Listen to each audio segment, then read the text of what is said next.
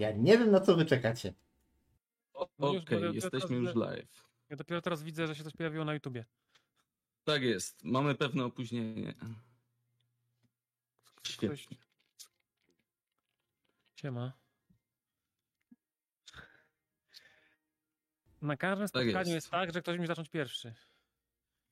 Dobrze. Za- Tak więc zaczynaj. witamy w naszej audycji e, przed mikrofonem. Ja jestem Naxil. E, Dziś e, zaprosiliśmy gościa, którym jest Simplex. Simplex z podcastu M Kwadrat Podcast. No i prosiłbym, żebyś opowiedział o trochę o sobie. Tak jest. Dobra. Więc tak, prywatnie jestem technical writerem, ale to nie jest istotne. Pozdrawiam tutaj preza z podcastu Rozgrywka, który też jest technical writerem. Ciekawy zawód, można połączyć yy, miłość do yy, technologii z, i znajomość języka angielskiego. Yy, I tak, prowadzę podcast Kwadrat, Kwadrat, Kwadrat Podcast. Jest to podcast, który zajmuje się głównie VR-em, ale też grami wideo, popkulturą.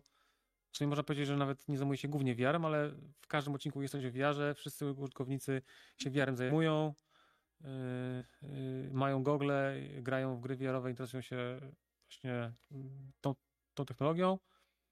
Podcast yy, początkowo zajmował się bardziej yy, lotami kosmicznymi, samochodami yy, autonomicznymi. Taki trochę był El- Elonomuskowy, ale to było dawno nieprawda. Właści- założyciele tego podcastu, z których w ogóle wzięła się nazwa M Kwadrat, bo mieli na imię Michał i Marcin, że go nie prowadzą. Marcin niestety zmarł w zeszłym roku, a Michał yy, po prostu nie ma, nie ma już czasu na, yy, na, na prowadzenie podcastu, więc ja go przejąłem, prowadzę go z kilkoma osobami, między innymi z Damianem, Kacprem i Adamem. Część pracuje w, w branży gier, wszyscy są ogólnie geekami, nerdami i interesują się gierkami, popkulturą, VR-em. Podcast działa od jakichś pięciu lat, chyba nawet już więcej, już mnie straciłem rachubę. Od sześciu, albo nawet więcej. I, no i zapraszam, jak ktoś jest, jest ciekaw właśnie newsów rzeczywistości wirtualnej, to może sobie sprawdzić odcinki. Na zachętę dodam, że ja do każdego odcinka tworzę albo ja, albo po- po- pomagający mi wolontariusze, tacy jak Mateusz Kadukowski z kanału Kadukowo, tworzą y, rozpiski z rozdziałami, z timestampami, co umożliwia sprawdzenie sobie tematów, które na, nas interesują i po prostu pominięcie tych tematów, które, które nas nie interesują. Czyli można sobie stworzyć taki własny podcast skustomizowany, w którym możemy słuchać tylko tych y, rzeczy, które nas interesują. Czyli można w ogóle na przykład VR kompletnie wyciąć sobie z tego podcastu i słuchać tylko o grach wideo, o popkulturze, o serialach i tak dalej. No, to w sumie tyle ode mnie. No i okazało się, że jestem już na, na tyle sławny, że dostałem zaproszenie y, od, od was chłopaki. Tak. Dzięki. Więc bardzo mi miło. No. Poczułem się A spotykamy się, spotykamy się dzisiaj w wiarze, jak widać, bo mieliśmy taki pomysł, że dużo się rozmawia na temat tego VR-u, y, ostatnimi czasy o Metaverse coraz więcej, natomiast jakoś tak nam się wydało, że niespecjalnie jest to y, dla widzów czy słuchaczy czytelne, jeżeli no, mówi się o tym temacie i w zasadzie nie pokazuje o co tak naprawdę chodzi. Tak więc y, jesteśmy oto właśnie w jednym z takich metaversów. W ogóle i mamy może nogi. Chciałem powiedzieć, mamy nogi. Tak jest, mamy również nogi. No. E, I chcieliśmy wam troszeczkę opowiedzieć, czym jest w zasadzie metaverse i na czym ten pomysł z wirtualną rzeczywistością w ogóle polega. Tak, to ja tutaj miałem powiedzieć parę słów o metaversie, aczkolwiek ja chciałem powiedzieć, Tak że jest. metaverse to jest taki buzzword, który znaczy wszystko i nic. Jak Web 3.0 albo coś takiego. Po prostu to jest, yy, to jest coś, co bardzo trudno jest zdefiniować i pojawiło się teraz bardzo wielu ekspertów od metaversu i w ogóle ponoć w niektórych firmach pojawiły się takie stanowiska jak Chief Metaverse Officer, które zarabiają jakieś grube miliony. Yy, nie wiem, co robią właściwie. M- Metaverse można nawet, można metaverse tak zdefiniować, że otaczająca nas technosfera, czyli internet będzie metaversem, bo w nim się komunikujemy, widzimy jest. się Ja tak bym nawet powiedział, że w zasadzie gry komputerowe i e, MMO. na przykład w szczególności właśnie MMO, to był już w Prawda? zasadzie metaverse, zanim ten termin jeszcze został popula- spopularyzowany. Znaczy, Także, wiesz, no, y- metaverse to w ogóle to powstał w roku 92.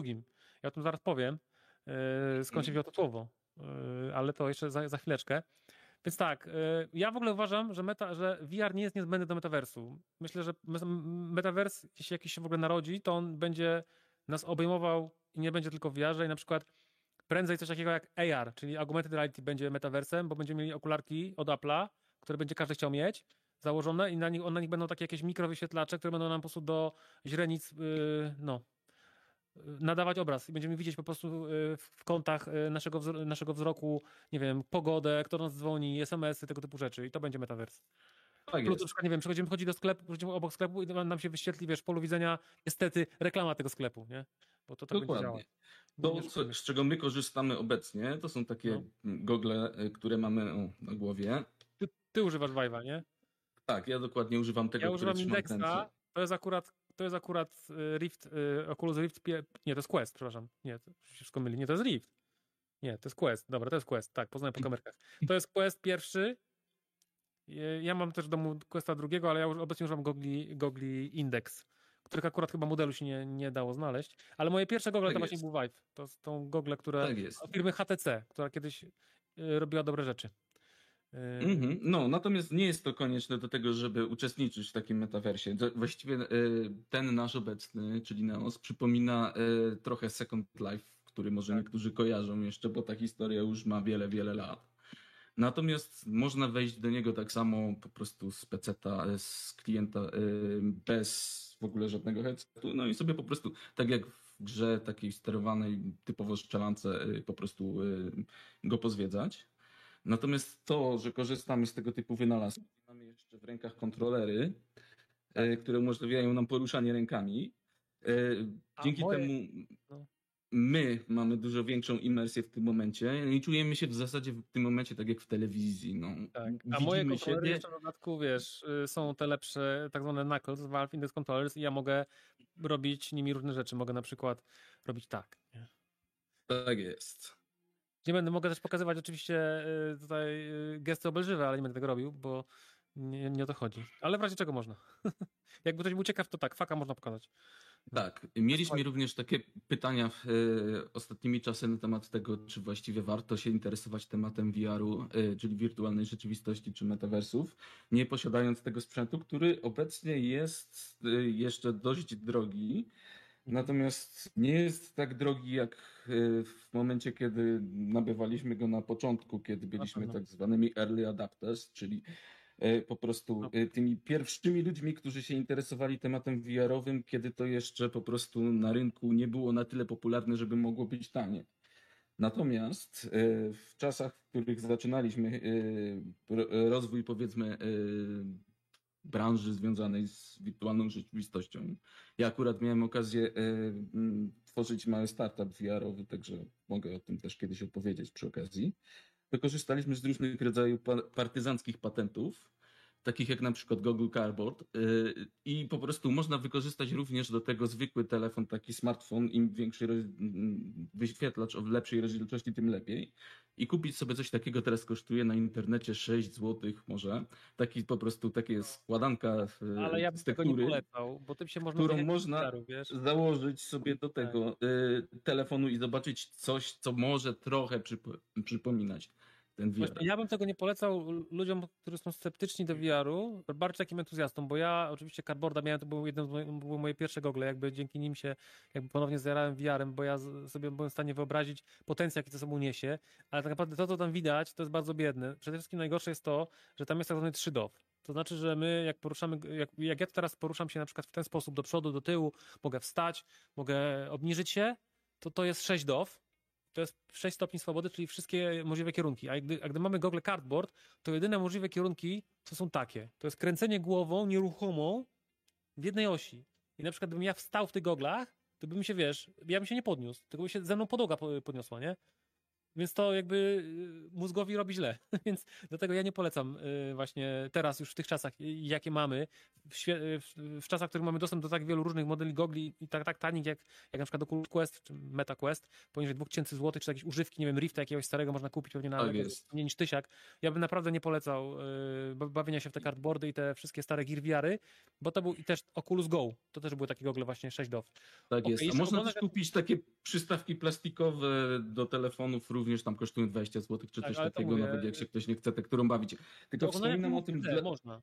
ale tak to... Tak jest. Ja wspominam o tym dlatego, bo to była ciekawa opcja, której używaliśmy marketingowo, w tym sensie, że Mhm. można było kupić takich pakietów e, tekturowych całą masę i po prostu rozdawać klientom razem z apką na telefon, która e, dała możliwość na przykład oglądania projektów, które mieliśmy tam akurat w Mhm. Więc po prostu takim e, tanim sposobem można na różnego rodzaju eventach czy mm, no, przy różnego rodzaju spotkaniach e, no, zajawić kogoś tym tematem. Ale tak jak mówisz, faktycznie jakość tego jest nieporównywalna do tego, co Tak. teraz obecna technologia oferuje. Także jeżeli ktoś się chce tym zajawić, żeby poczuć to tak naprawdę jak, jak w tym y, tak naprawdę można poprzebywać, to lepiej sobie faktycznie na przykład pójść na jakieś targi i sobie wypożyczyć albo Moja rada jest taka, testować u znajomego. No właśnie, raz czy u znajomego, czy jakiś wasz kolega nie ma wiara, może się zdziwić. A druga, druga, druga jest. porada, w większości, w dużych miastach, y, nawet wydawałoby się, że nawet, nawet w mniejszych, w których wydawałoby się, że tego może nie być, są często takie salony VR, takie różne takie bary VR, takie VR bary. I Tak, wydaje, albo że- y, y, rozgrywki też również na przykład. U nas jest paintball VR-owy, No, że można sobie pochodzić po pomieszczeniu, który jest przystosowany do tego, żeby sobie można było połazić w takich goglach i pograć w strzelankę, tylko że nieść ze sobą karabin i po prostu y, no, pogonić się, tak jak w paintballu, tylko na przykład w świecie obcego. są też firmy, które po prostu wynajmują. Jest to bardzo drogie, ale tam na dzień można na przykład, jak ktoś się boi, zdedykować.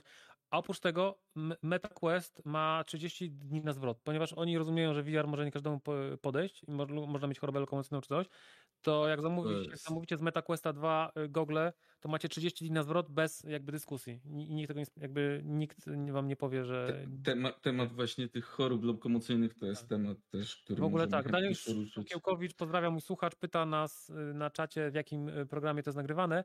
To jest Neos, Neos VR. To jest taki Neos jeden z VR, takich tak jest. metaversów. Na Steamie można to y, po prostu znaleźć sobie i to jest darmowa apka. Tylko ma limit, jak, wersji 2D. tak jest. No, tylko ma limit tam, jak chodzi o ilość danych, którą można pozyskać. Można sobie swój własny świat zbudować albo Mhm. pozwiedzać różne światy. No, jest temat Ma strogie metaversu. wymagania, bo, bo, bo w tym pokoiku to mi generalnie dropi i nie trzyma mi 80, 80 klatek na sekundę na GeForce Tak jest. 80, więc pewnie dlatego nie jest taki popularny. Tak, to też jest kolejna rzecz, która odrzuca ludzi od e, takich prywatnych zastosowań. Mianowicie, jeśli chodzi o PC-ową wersję w ogóle e, headsetów, to trzeba mieć dosyć mocny sprzęt, który to pociągnie. I tak, drugie tyle mo- można spokojnie wydać, czy trzecie tyle na e, sprzęt, kartę graficzną. ale Tu, tutaj wchodzi cały na biało Mark Zuckerberg właśnie i, i z jego metą, bo Google MetaQuest 2 kosztują, mimo że zostały, zostały w ogóle cena z- zwiększona, to jest w ogóle bezprecedensowa sytuacja, bo niedługo po tym jak Mark Zuckerberg zwię- zwiększył cenę gogli o aż 33%, y, 100 euro, to Sony zwiększyło ceny PS5, ale tylko, że- ale nie w Stanach, a Mark zwiększył i w Stanach i w Europie. Także do Mhm. niedawna, przez prawie dwa lata, przez prawie dwa lata od premiery Google MetaQuest 2 kosztowały 300 dolarów, najtańszy model, a u nas to było 1450 euro chyba. Nie chcę już mieszać, ale wychodziło to na, na, na polski 450 euro. Wychodziło to na polski chyba 1600 zł. Oczywiście teraz już euro wiadomo, że podrożało i tak dalej, ale był taki moment, kiedy można było naprawdę za 1500-1600 zł kupić Google MetaQuest 2 i to po prostu było, no, to, No, się to jest dla mnie cenie, to kosmos. Tak, to jest dla mnie i tak zupełnie inna e, historia. Teraz mi się to wydaje dużo bardziej przystępne, bo te gogle, które kupowałem e, na początku, kosztowały ponad 5000 zł. Także No. e, w tym momencie ta cena i tak już wydaje mi się dużo bardziej przystępna dla Jeśli chodzi o choroby lokomocyjne, to nie żadne zioła, nie, ale ja jeszcze nie wiem, nie radzę próbować. Yy, Pomaga imbir. Serio, imbir pomaga. To jest w ogóle ciekawa sprawa. Dobra, możemy trochę poruszyć ten temat e, chorób lokomocyjnych. No, bo VR ma to do siebie, że jest no jakby związany z tym, że narzuca na nas pewne ograniczenia. My teraz na przykład siedzimy sobie na krzesłach e, w naszych pokojach. Jesteśmy ograniczeni przestrzenią fizyczną, w której e, po prostu się znajdujemy. Możemy się łatwo rypnąć o jakąś ścianę, czy o jakiś element biurka, czy czegokolwiek. Jeżeli się odwrócimy zbyt gwałtownie, wystraszymy albo pobiegniemy. Także musimy w pierwszej kolejności pilnować, że po prostu nie ruszać się z miejsca, tylko poruszać za pomocą kontrolerów. To z kolei sprawia, że y, my y, mamy takie trochę wrażenie, tak jak może widzieliście kiedyś, jak ktoś przewozi psa y, w samochodzie.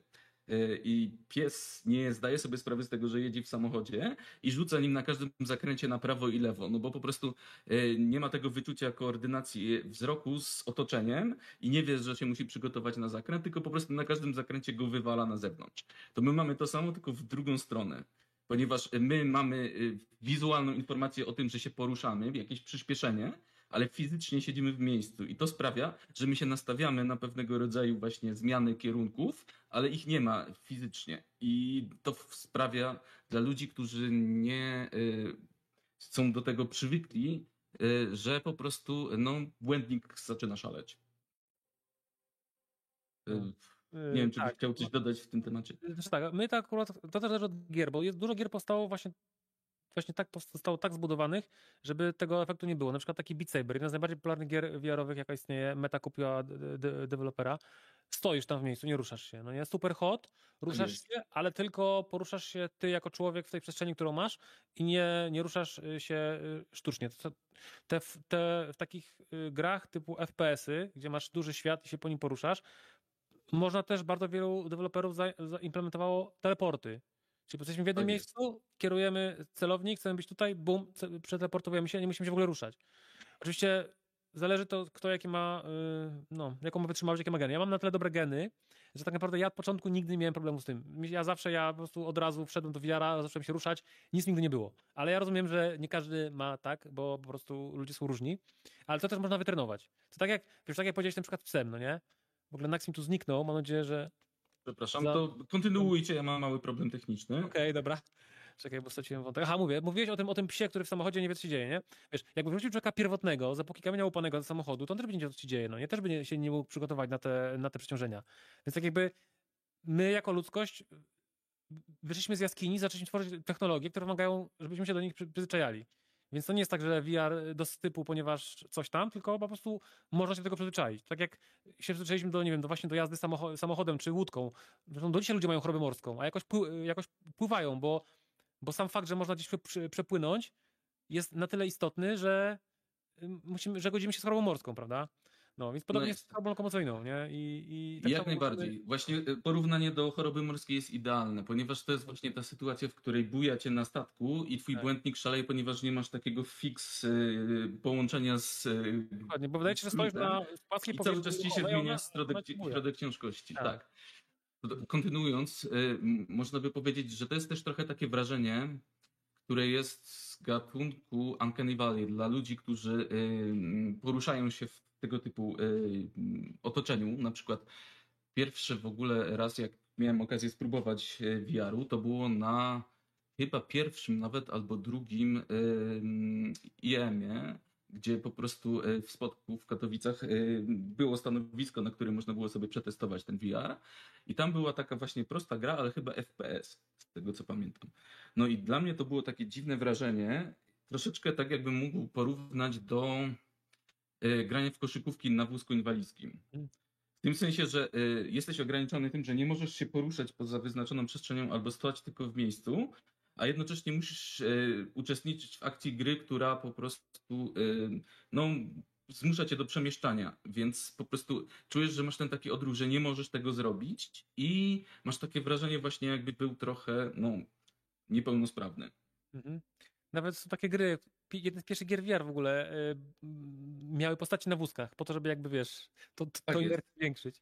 I to, jest, to, jest, to też mógłbym o tym wspomnieć, że właśnie zaczynając y, tą zabawę właśnie taką startupową z VR-ami, staraliśmy się raczej robić przestrzeń, po której można łazić bezpiecznie, y, żeby właśnie nie było tego efektu. Natomiast deweloperzy, którzy rozwijali równolegle różnego rodzaju silniki, które umożliwiały z, no, wykorzystywanie tych wszystkich funkcji headsetów i kontrolerów, rozwijali równolegle właśnie te technologie, o których mówisz, czyli właśnie te teleporty, te mm, właśnie różnego rodzaju takie blokady, które sprawiają, że ten świat już teraz jest zwykle w tych grach bardziej dostosowany do tego, żeby właśnie ten efekt minimalizować. No i A to, jest taką ciekawostkę, bo w ogóle y, na początku ani, ani Oculus, czyli jeszcze jak istniał Oculus, ani, ani, ani Valve nie myślało, że gracze będą mogli się poruszać i Oculus Rift, jak wyszedł pierwszy, to w ogóle miał tylko, miał tylko pada od Xboxa. Nie ma nawet kontrolerów ruchowych. Czyli miałeś grać po prostu w gry, w których byś siedział sobie z padem po prostu przy biureczku i jedyne, co, byłoby, co było śledzone, to była twoja głowa i, i cała reszta po prostu była, y, Tak była, nieruchoma. Potem wprowadzili oczywiście w grudniu, w grudniu y, tego ro- 2016 roku wprowadzili kontrolery ruchowe, a Valve, mimo że wprowadziło kontrolery ruchowe, to oni wprowadzili kontroler ruchowy, który miał trackpada. Takie okrągłe kółeczko, ono się idealnie na- nadawało do teleportacji, bo na, bo na krawędzi się je wciskało i wtedy się pojawiał y, ta, taki łuk, y, na, na tego końcu było miejsce, gdzie się przeteleportujemy. Natomiast ten trackpad się totalnie nie nadawał do sztucznego y, poruszania się, tak, bo to, to, to takie zwykłe poruszanie się po świecie gry, jak w FPS-ach klawiaturą w SAT albo na przykład padem, analogową gałką, to, jest tak, to, to się nazywa smooth locomotion albo artificial locomotion po angielsku, tak to jest nazywane. Tak jest. I na tym Natomiast padzie, właśnie, właśnie w tym jeszcze momencie często stosują triki takie związane, się, e, z, Tak. związane ze zwężaniem się pola widzenia. Tak. Po to Tak. właśnie, żeby zminimalizować ten efekt taki właśnie, no jakby to powiedzieć, no po prostu żebyś miał tylko taką tunelową wizję i właśnie nie mógł się za bardzo rozglądać na boki. no, To ale też zmniejsza troszeczkę To ten jest efekt. śmieszne, że na początku wszyscy myśleli, że nikt nie będzie się, po, że nikt nie będzie chciał się poruszać y, po świecie wirtualnym właśnie swobodnie, tak jak w PS-ach, bo ludzie tego nie zniosą, a gracze zaczęli tego domagać i zaczęli krytykować deweloperów za to, że oni nie tego nie umożliwiają, wiesz? I deweloperzy jakby zostali zmuszeni do tego, żeby to zmienić i wprowadzili i jedną z takich pierwszych gier, która to po- pokazała, że to jest możliwe, jest gra Onward. Nie wiem, czy kojarzysz taki symulator, to jest taki trochę, taka trochę arma, to jest bardzo duże uproszczenie, ale to jest taka troszkę arma w VR. Mhm. Taki Symulator Tak Facebook, Facebook też kupił tego dewelopera. To jest w ogóle też śmieszna historia, bo to zrobił jeden gość, to zrobił, który w ogóle rzu- rzu- rzucił college, yy, zaczął robić tę grę, teraz jest pewnie milionerem. Zresztą Beatsbera zrobiło trzech Czechów, też są pewnie już milionerami. Obie te gry kupił Facebook. Facebook kupił też w ogóle gry- de- dewelopera gry Population W One. ogóle Facebook kupił na początku dewelopera, czy tam startup, który pierwszego Oculusa e, No tak, no kupił. Oculusa właśnie. Bo tak. pierwszy Oculus to też był startup, który był e, niezależny i prywatny i w ogóle ja wspierałem ten projekt, mi się bardzo podobał, do czasu, kiedy właśnie Facebook go nie wykupił. No, może, może kontynuując e, temat związany z tym em, Facebookiem, e, Oculusem i No. Metaversem. Jak wygląda właśnie ta sytuacja z Zuckerbergowym Metaversem? Tak, no właśnie Mark bardzo chciałby stworzyć metaverse, chciałby, żeby jego metaverse był tym the metaversem, tym głównym metaversem. Wydaje na to kupę pieniędzy, inwestorzy go nienawidzą, wszyscy dziennikarze się na niego po prostu y, go krytykują, bo teraz, teraz bardzo łatwo jest krytykować metę. Jakby teraz napisanie artykułu, który krytykuje metę jest po prostu banalnie łatwe. Każdy to robi, bo to, to się teraz klika. A tak naprawdę on próbuje zrobić coś, co wymaga myślenia y, wielo- wieloletniego, bo zwykle firmy tak działają, że interesuje ich tylko zysk krótkoterminowy i wszystko robią pod, pod, pod, Mhm. pod to. Nie da się pewne rzeczy zaj- stworzyć, jak będziemy patrzeć tylko na zysk krótkoterminowy. Nigdy byśmy nie polecieli na księżyc, gdyby tylko ludzie patrzyli, że pro- projekt ma przynieść zysk na tym kwartale. Tam trzeba było zainwestować miliardy dolarów, żeby osiągnąć cel. I tak samo jest tutaj. Jakby nie, że ja Mark jakoś bronił, bo ja się nie zgadzam z jego, z jego wideo metaversu i z jego inwigilacją i brakiem prywatności, ale mimo wszystko doceniam, co próbuje zrobić. A wszyscy, którzy teraz po prostu na niego srają, mówiąc brzydko, jakby nie rozumieją tego, że on chciał zrobić coś, co jest tak jakby aż nie- niekorporacyjne. Bo korporacyjne to jest wykazanie zysków na, na, tym- na tym kwartale. A zaplanowanie czegoś, rozłożone na dzie- dziesiątki lat i co będzie przynosiło w pierwszych y, latach straty, to wymaga naprawdę dużych jaj. Wiesz, no to- tak, no wiesz- podobnie jak z Teslą było zresztą. No. No. to też na początku było właśnie tak, a, a no nie tam głupi pomysł albo tam nie, nie sprzeda się i tak dalej. Dopiero to musiało zażreć w większej skali, żeby ludzie zauważyli, jakie to ma korzyści. Natomiast z tego, co tam sobie e, słuchałem w tych tematach, to wynika, że nawet kurczę pracownicy e, tej mety nie chcą pracować w Tak. takich headsetach. Bo one są I że to jest jeszcze kom, kompletnie nie, nieużywalna rzecz. To prawda.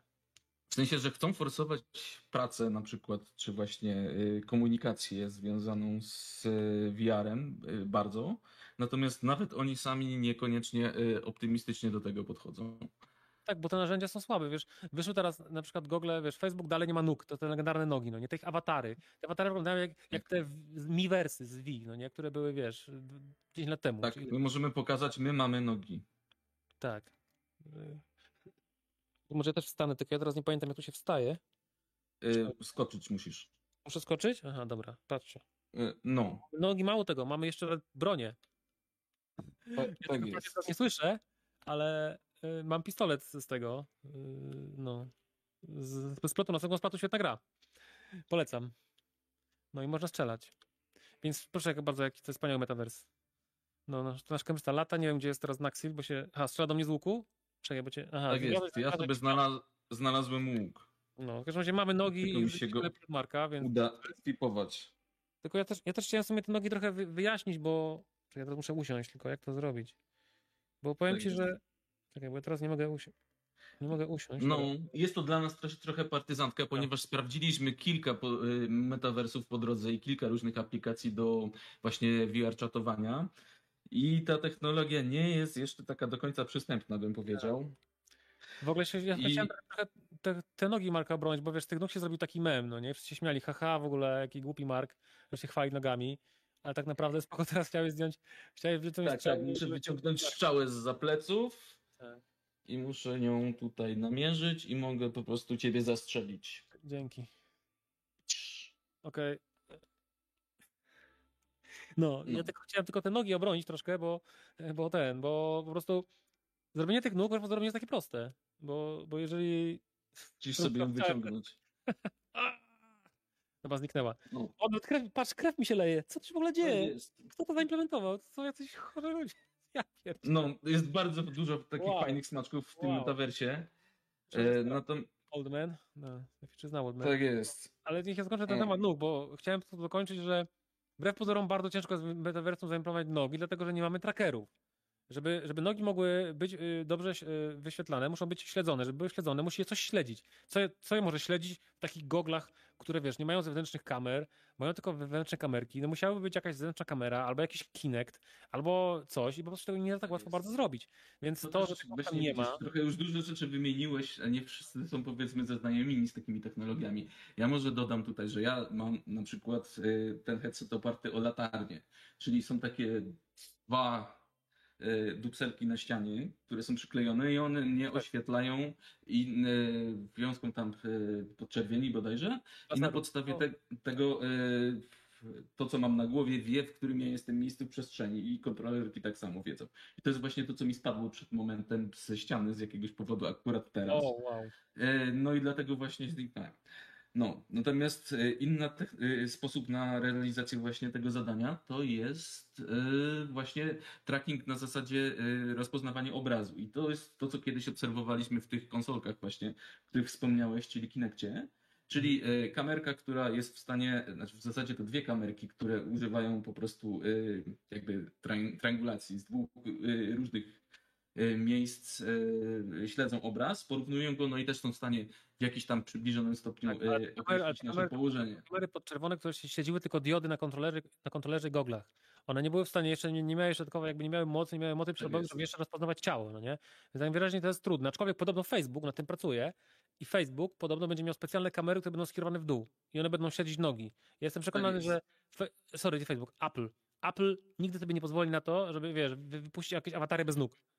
No, a tu w ogóle no. pojawiło się pytanie y, o poważne zastosowanie tej technologii. No będziemy o tym jeszcze mówić chyba, nie? Nie wiem. Tak jest, jak najbardziej. Mamy to też na tapecie i to właśnie y, przez co przeszliśmy już i to, co jeszcze nas czeka w To jest tapet.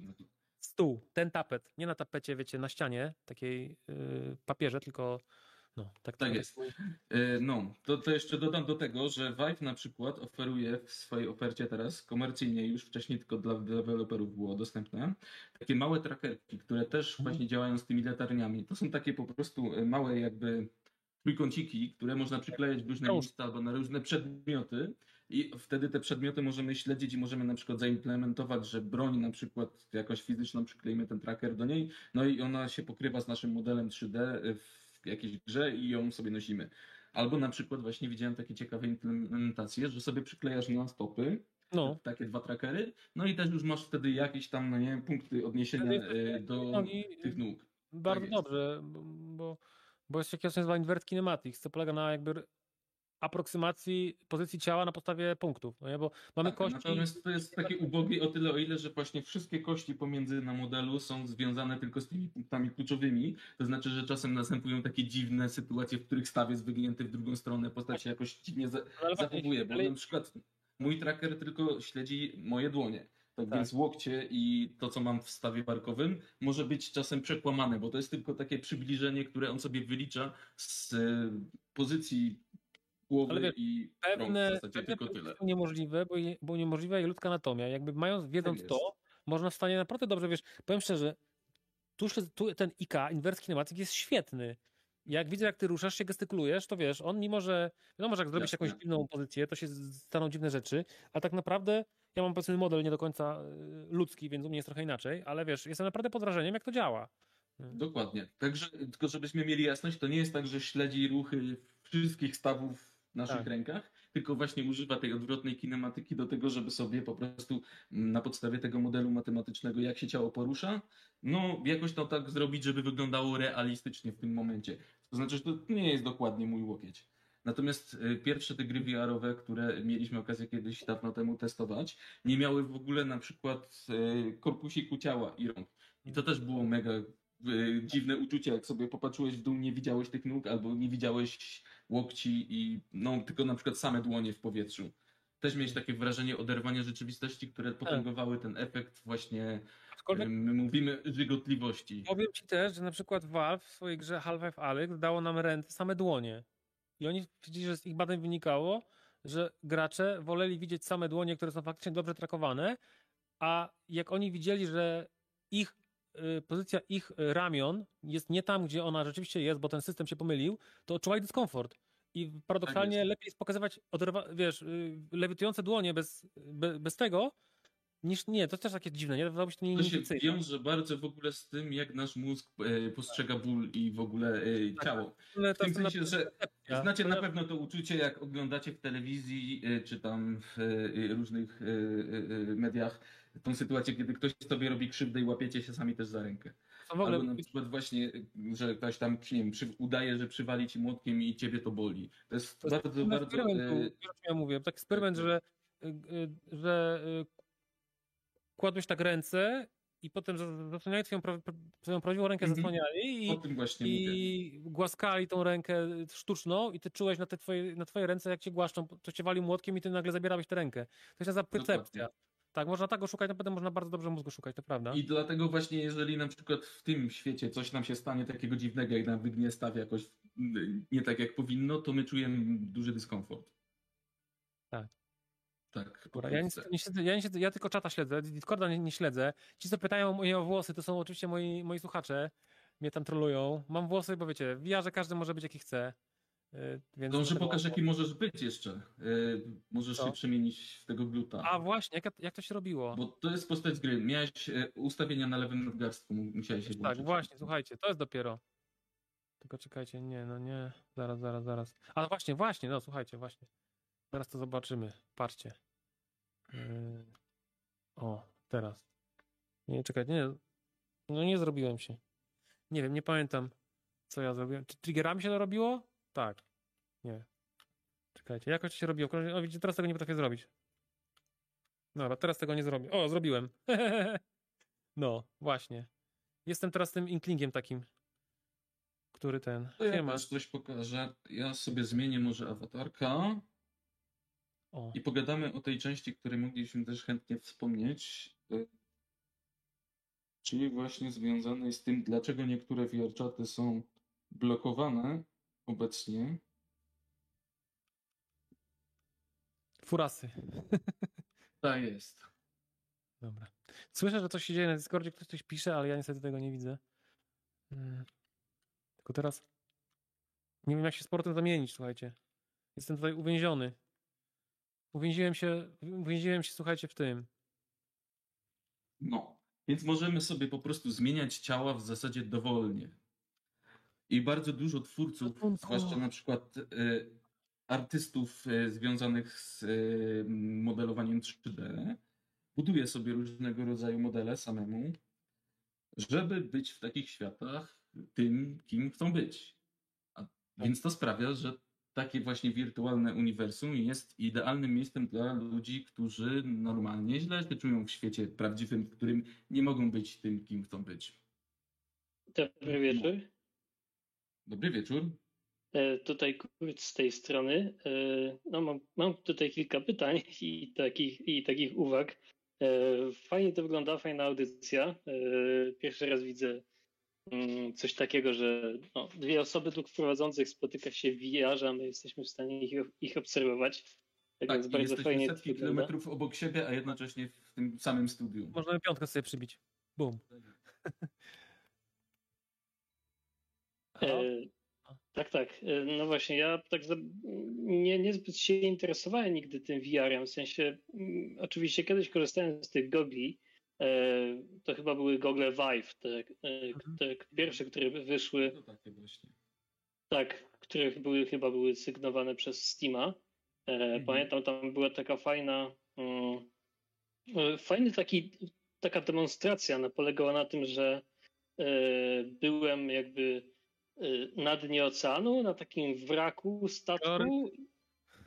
Tak, i tam przepływał wieloryb właśnie. Tak, tak. jak, ten wieloryb przepływał i machnął tą płetwą, to faktycznie no, można było się przestraszyć.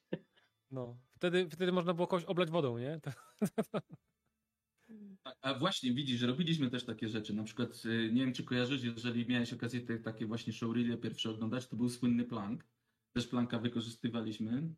To była właśnie taka demonstracja, w której wyjeżdżałeś na wież, szczyt wieżowca i na górze miałeś y, kawałek deski, z, y, z której po prostu można było zeskoczyć ewentualnie.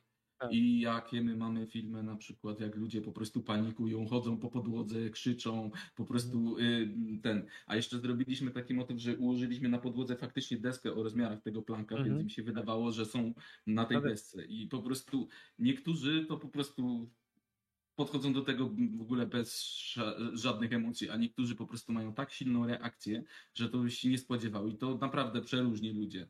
Po prostu potrafią panikować, krzyczeć i no, ja widziałem gościa, który po prostu skoczył, wiesz, tak po prostu jest to mega wrażenie. i tak po prostu się, wiesz, rzucił, wiesz, już jest, podskoczył i tak, wiesz, przyłożył ręce do kolan, tak jakby już, wiesz, przyjął taką pozycję do skoku, wiesz, spadochron, spadochronu. Tak jest. A z drugiej strony, na przykład właśnie, y, jeżeli ktoś chce, to jest właśnie trochę mroczna kwestia, y, podejść do tego tematu, jak wygląda y, no, skok z budynków faktycznie, jak się może poczuć człowiek w ten sposób, no to jest w stanie to zrobić. Dobra. Coś, coś, coś jeszcze masz jakieś do nas pytania? Coś? E, tak, tak, właśnie. Gdybyście mogli powiedzieć e, na dzisiejszy dzień e, taki jakiś zestaw gogli dla osoby początkującej, ale żeby nie były to takie gogle jak, jak te e, jak te, jak te goglowskie, tak, które tylko Mhm. pokazują jakieś tam proste rzeczy, tylko faktycznie, żeby można było e, pograć w jakieś gry typu właśnie Half-Life Alex, to co byście polecali? Te Meta Quest 2 czy co innego? Chyba tak, może tam jeszcze ktoś na czacie coś napisze, ale ja generalnie bym polecał tego Google, dlatego że one są, y, mają obecnie nawet pomimo tej podwyżki najlepszy współczynnik y, wartości do ceny, jakości do ceny, bo można je używać, ich można używać jako gogli standalone, kompletnie nie, samodzielnych, niezależnych gogli. Mają swój RAM, swój, swój dysk, swój system operacyjny, gdzie można kupować gry i w nie grać. To są gry o jakości grafiki mobilnej, ale VR dzięki swojej imersji sprawia, że nie czujesz tego, że jesteś, wiesz, że masz gównianą grafikę, bo, bo, bo ty tam jesteś i to widzisz. A, Ja też może tutaj przy okazji o tym wspomniał, że ta jakość grafiki, jaką wy teraz widzicie i y, jaka jest na tych grach właśnie VR-owych, dość mocno odbiega od tego, co jest y, y, współcześnie, powiedzmy, standardem już teraz Tak. w przemyśle growym. I to właściwie wynika z bardzo wielu czynników. Też mówiliśmy o tym właśnie y, związanych z tym, z tym właśnie poczuciem y, tych miłości, czy Znaczy, to z wynika z tego musi głównie, bardzo dużo rzeczy przeli- przeliczać. trzeba renderować dwa obrazy niezależnie od siebie, o bardzo dużej rozdzielczości i Tak, w w 10 czasie rzeczywistym w zasadzie. klatkach, tak. Im Aczkolwiek są, większe mamy opóźnienie y, związane z tym, że ruszamy głową i nam to renderuje wszystko w czasie rzeczywistym, to to opóźnienie wywołuje też ten efekt mdłości. No i tylko od, do czego dążę? Y, że jest tak, iż ktoś, kto wyda kupę pieniędzy na tego gle, na początku y, może mieć takie wrażenie, że przepłacił, ponieważ y, no, kupił bardzo drogi sprzęt, a ma grafikę taką jak powiedzmy no, lata 2000, no może 2010 mhm. w najlepszym przypadku. No i może się czuć zawiedziony przez to. Także nie można się nastawiać, że się im więcej wyda się pieniędzy na headset, to tym to będzie wyglądało wspaniale. Chociaż Ale tutaj bardziej Simplex może się wypowiedzieć, bo ja Life. mam doświadczenia z tymi starszymi Google'ami. No istnieją też gry z ładną grafiką. Facebook w pewnym momencie przez pierwsze kilka lat od premiery y, Rifta, między w latach 2016-2019, Facebook dość mocno inwestował właśnie w gry pecetowe. Wyszło bardzo dużo fajnych gier. Dla Facebooka gry robili tacy deweloperzy jak na przykład Ready at Dawn, czyli twórcy Order 886, y, Epic, 4A Games, twórcy Metro, Insomniac, twórcy Spidermana. Mm naprawdę bardzo dużo deweloperów robiło dla nich gry i te gry istnieją i można nie grać na PC i nawet można też wykorzystać Questa 2 do tego. Można y, podłączyć się do PC albo bezprzewodowo, albo po, kablu, a to jest nadal kabel USB, to, to jest nadal kompresja. Więc tak, tylko przykład... bym chciał zaznaczyć też, że yy, co do tych gier, yy, to ważne jest, żeby patrzeć na to, żeby to były gry pod VR zaprojektowane i zrobione na początku, bo był pewien czas taki, że dużo firm robiło porty gier na VR i to wychodziło moim zdaniem koszmarnie, one były niegrywalne. To nawet Doom właśnie był któryś, ten nowszy, e, wcześniej Skyrima sportowali albo Fallouta, e, tak, czwartego, z tego co pamiętam i to było po prostu koszmarne. Gry, które są zrobione właśnie z myślą o VR i są już jakby projektowane pod tym kątem, żeby właśnie niwelować e, te różne złe efekty, ale również wykorzystywać te różne fajne interfejsy i możliwości związane z VR-em są dużo lepsze. No nie, no ja chyba bym polecił MetaQuesta 2, dlatego że no, pojawiły się te gogle Pico 4, takie chińskie gogle. Właściciel, właściciel TikToka Biden wypuścił gogle, które mają konkurować z, z, z Meta. No ale to dopiero co wyszło, to jest takie trochę w fazie beta. Nie ma na to niektórych gier, na przykład nie ma Beat Sabera, a do Meta Questa 2 Facebook dodaje za darmo Beat Sabera. Jest bardzo dojrzały ekosystem, to jest, y, są, są gogle, które są od ponad dwóch lat na rynku, więc do nich jest bardzo dużo oprogramowania, gier i możesz też w ciągu 30 dni zwrócić te gogle bez problemu. Tylko trzeba to kupić na stronie oculus.com. One kosztują w tym momencie 449 euro i, i możesz 30 dni na zwrot. Więc jak chcesz, się, jak chcesz sprawdzić, to możesz sprawdzić, nawet jak się nie, nie spodobają, to piszesz do supportu, że nie podoba ci się, zwracasz. Wiesz, tak jak można powiedzieć, masz, czy, masz 30-dniowy okres próbny za kaucją. Nie? I jak się nie spodoba, to możesz zwrócić zwrócić te gogle. Bo na przykład ja mam gogle Valve Index, które są bardzo fajne, ale razem one kosztują 1000 euro, nie są samodzielne, czyli wymagają peceta yy, dość mocnego, są na kablu, no i one są, mają w momencie 3,5 roku. One, czyli to jest już dość, no nie powiem, że przestarzały, ale już taki dość wiekowy sprzęt, który już niektórymi parametrami odbiega od, od, od współczesnych gogli.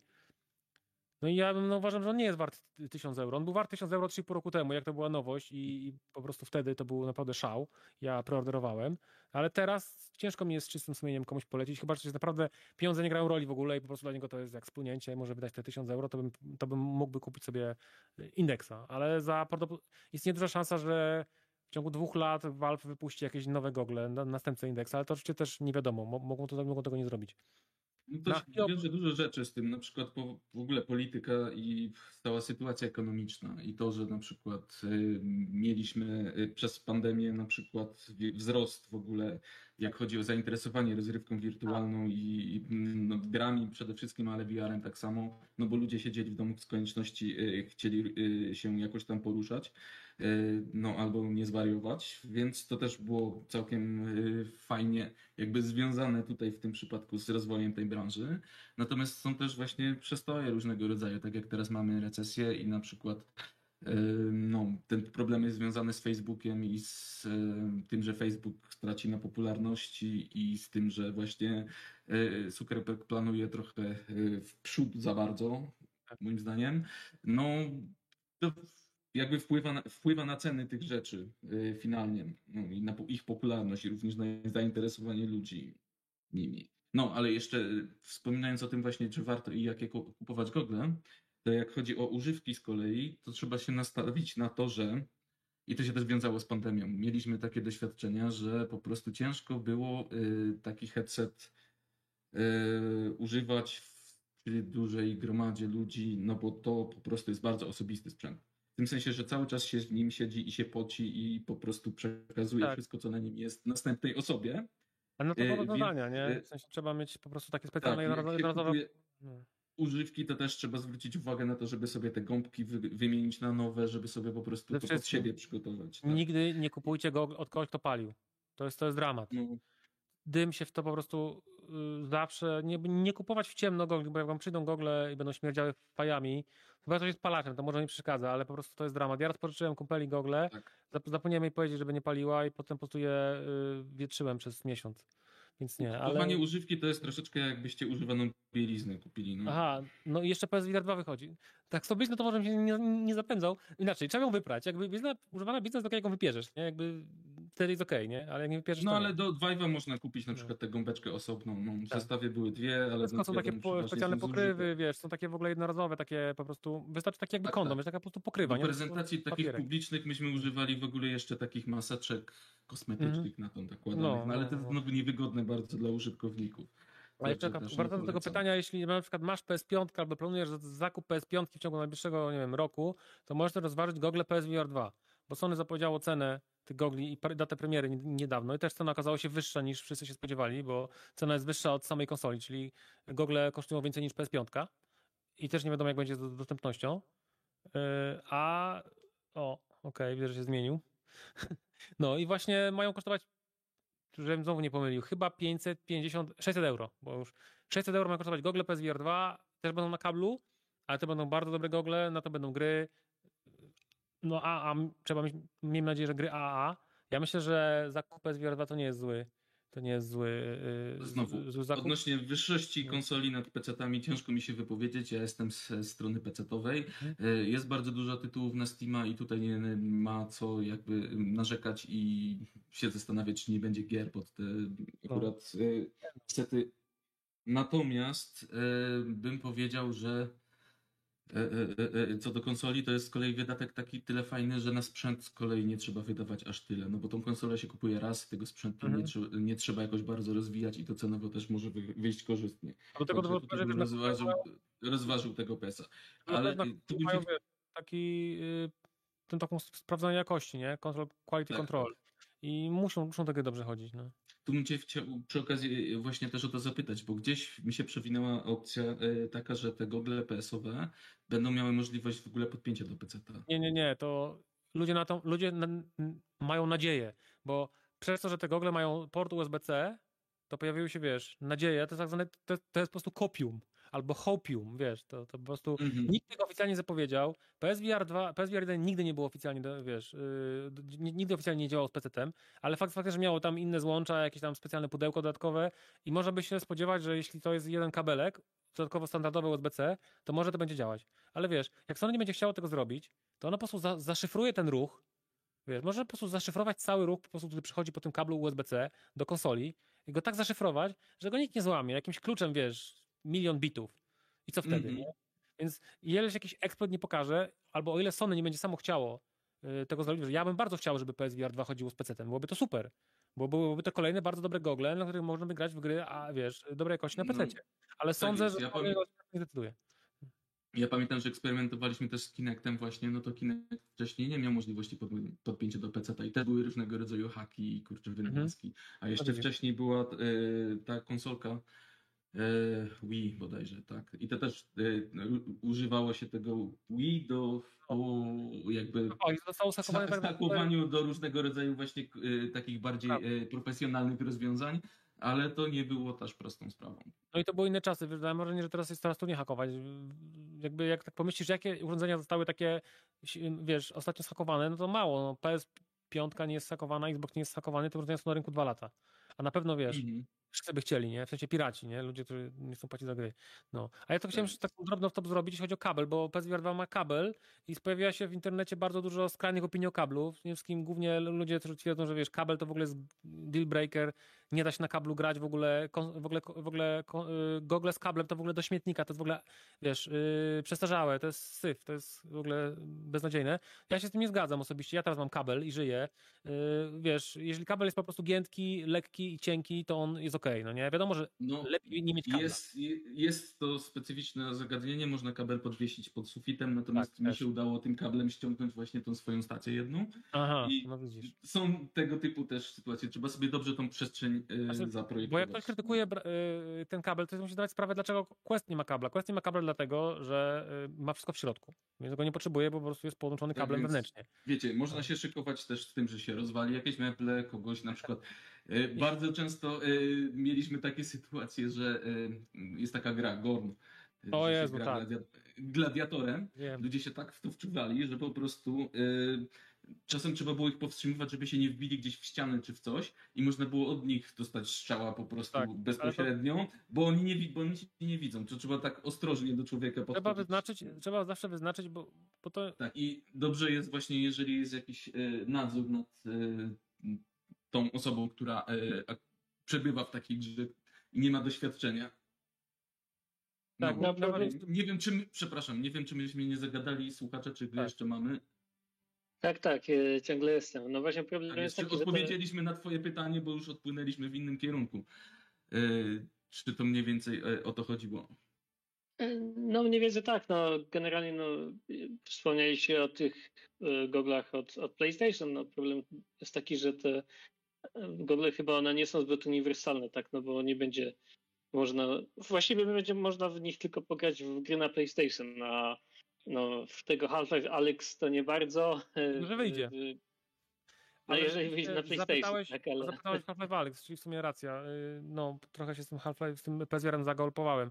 Jeśli chodzi o gogle do Half-Life Alyx, no to możesz kupić właśnie Questa 2 i on, jego, jego możesz podłączyć y, bezprzewodowo do, do komputera albo, albo kablem. Możesz też poszukać, są, były takie całe, taka seria gogli WMR, Windows Mixed Reality, jak Microsoft próbował wejść VR.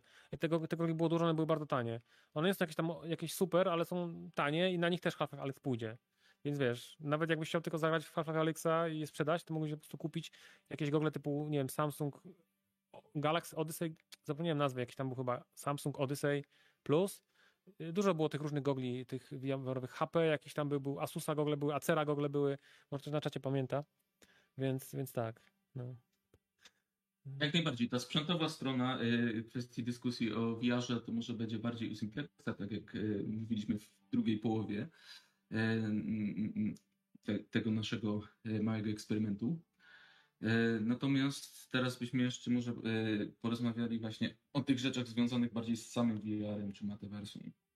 Y, Czy jak zwał. Czy jeszcze No jakieś dobra, pytania to- mamy w tym w tej kwestii? Chyba, że chciałeś to zapytać, no to, no to wal. Nie, nie, to, to właściwie wszystko, co, co chciałem wiedzieć. Mam tylko taką prośbę, żeby, żeby pan, który steruje kamerą, żeby pokazał swojego awatara, jak wygląda. On nie ma awatara, bo on jest No, ty, ty, tylko Google. A, to wie- ja wiedziałem, właśnie że on jest pusty. Mieliście o, teraz mieliście, mieliście okazję zaobserwować tą odwrotną kinematykę na postaci, która jest sterowana wyłącznie przez niego. Po prostu jeżeli jest złapana i wchodzi w interakcję z podłogą, no to po prostu nogi zaczynają funkcjonować abs- ten, automatycznie y, na zasadzie właśnie takiej. Kukiełka taka. y, tak, jak taka kukiełka. No. Także my nóg nie mamy z, e, no, zmapowanych w żaden sposób, natomiast właśnie ta technika e, no, od strony tej software'owej jest całkiem fajnie już rozwiązana. No to dziękuję bardzo, no i cóż, życzę miłego wieczoru. Dzięki wzajemnie, fajnie dzwoniłeś.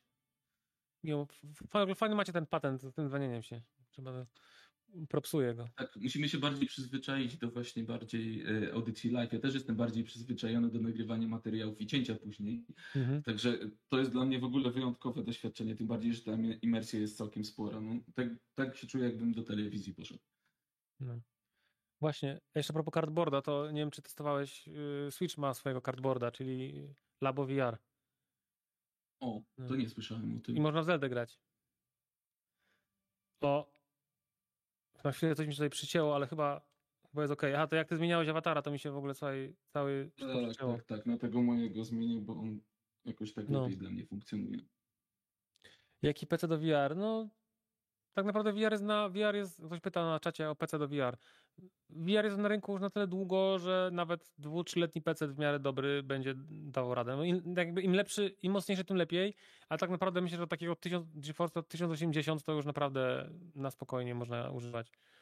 Tak mi się wydaje. No, Ja akurat mam dobrą kartę graficzną do VR-a, więc ciężko mi jest to tak ocenić. Ale wiem, że ludzie grają na, na słabszych kartach i to, i, i, to, i to też działa.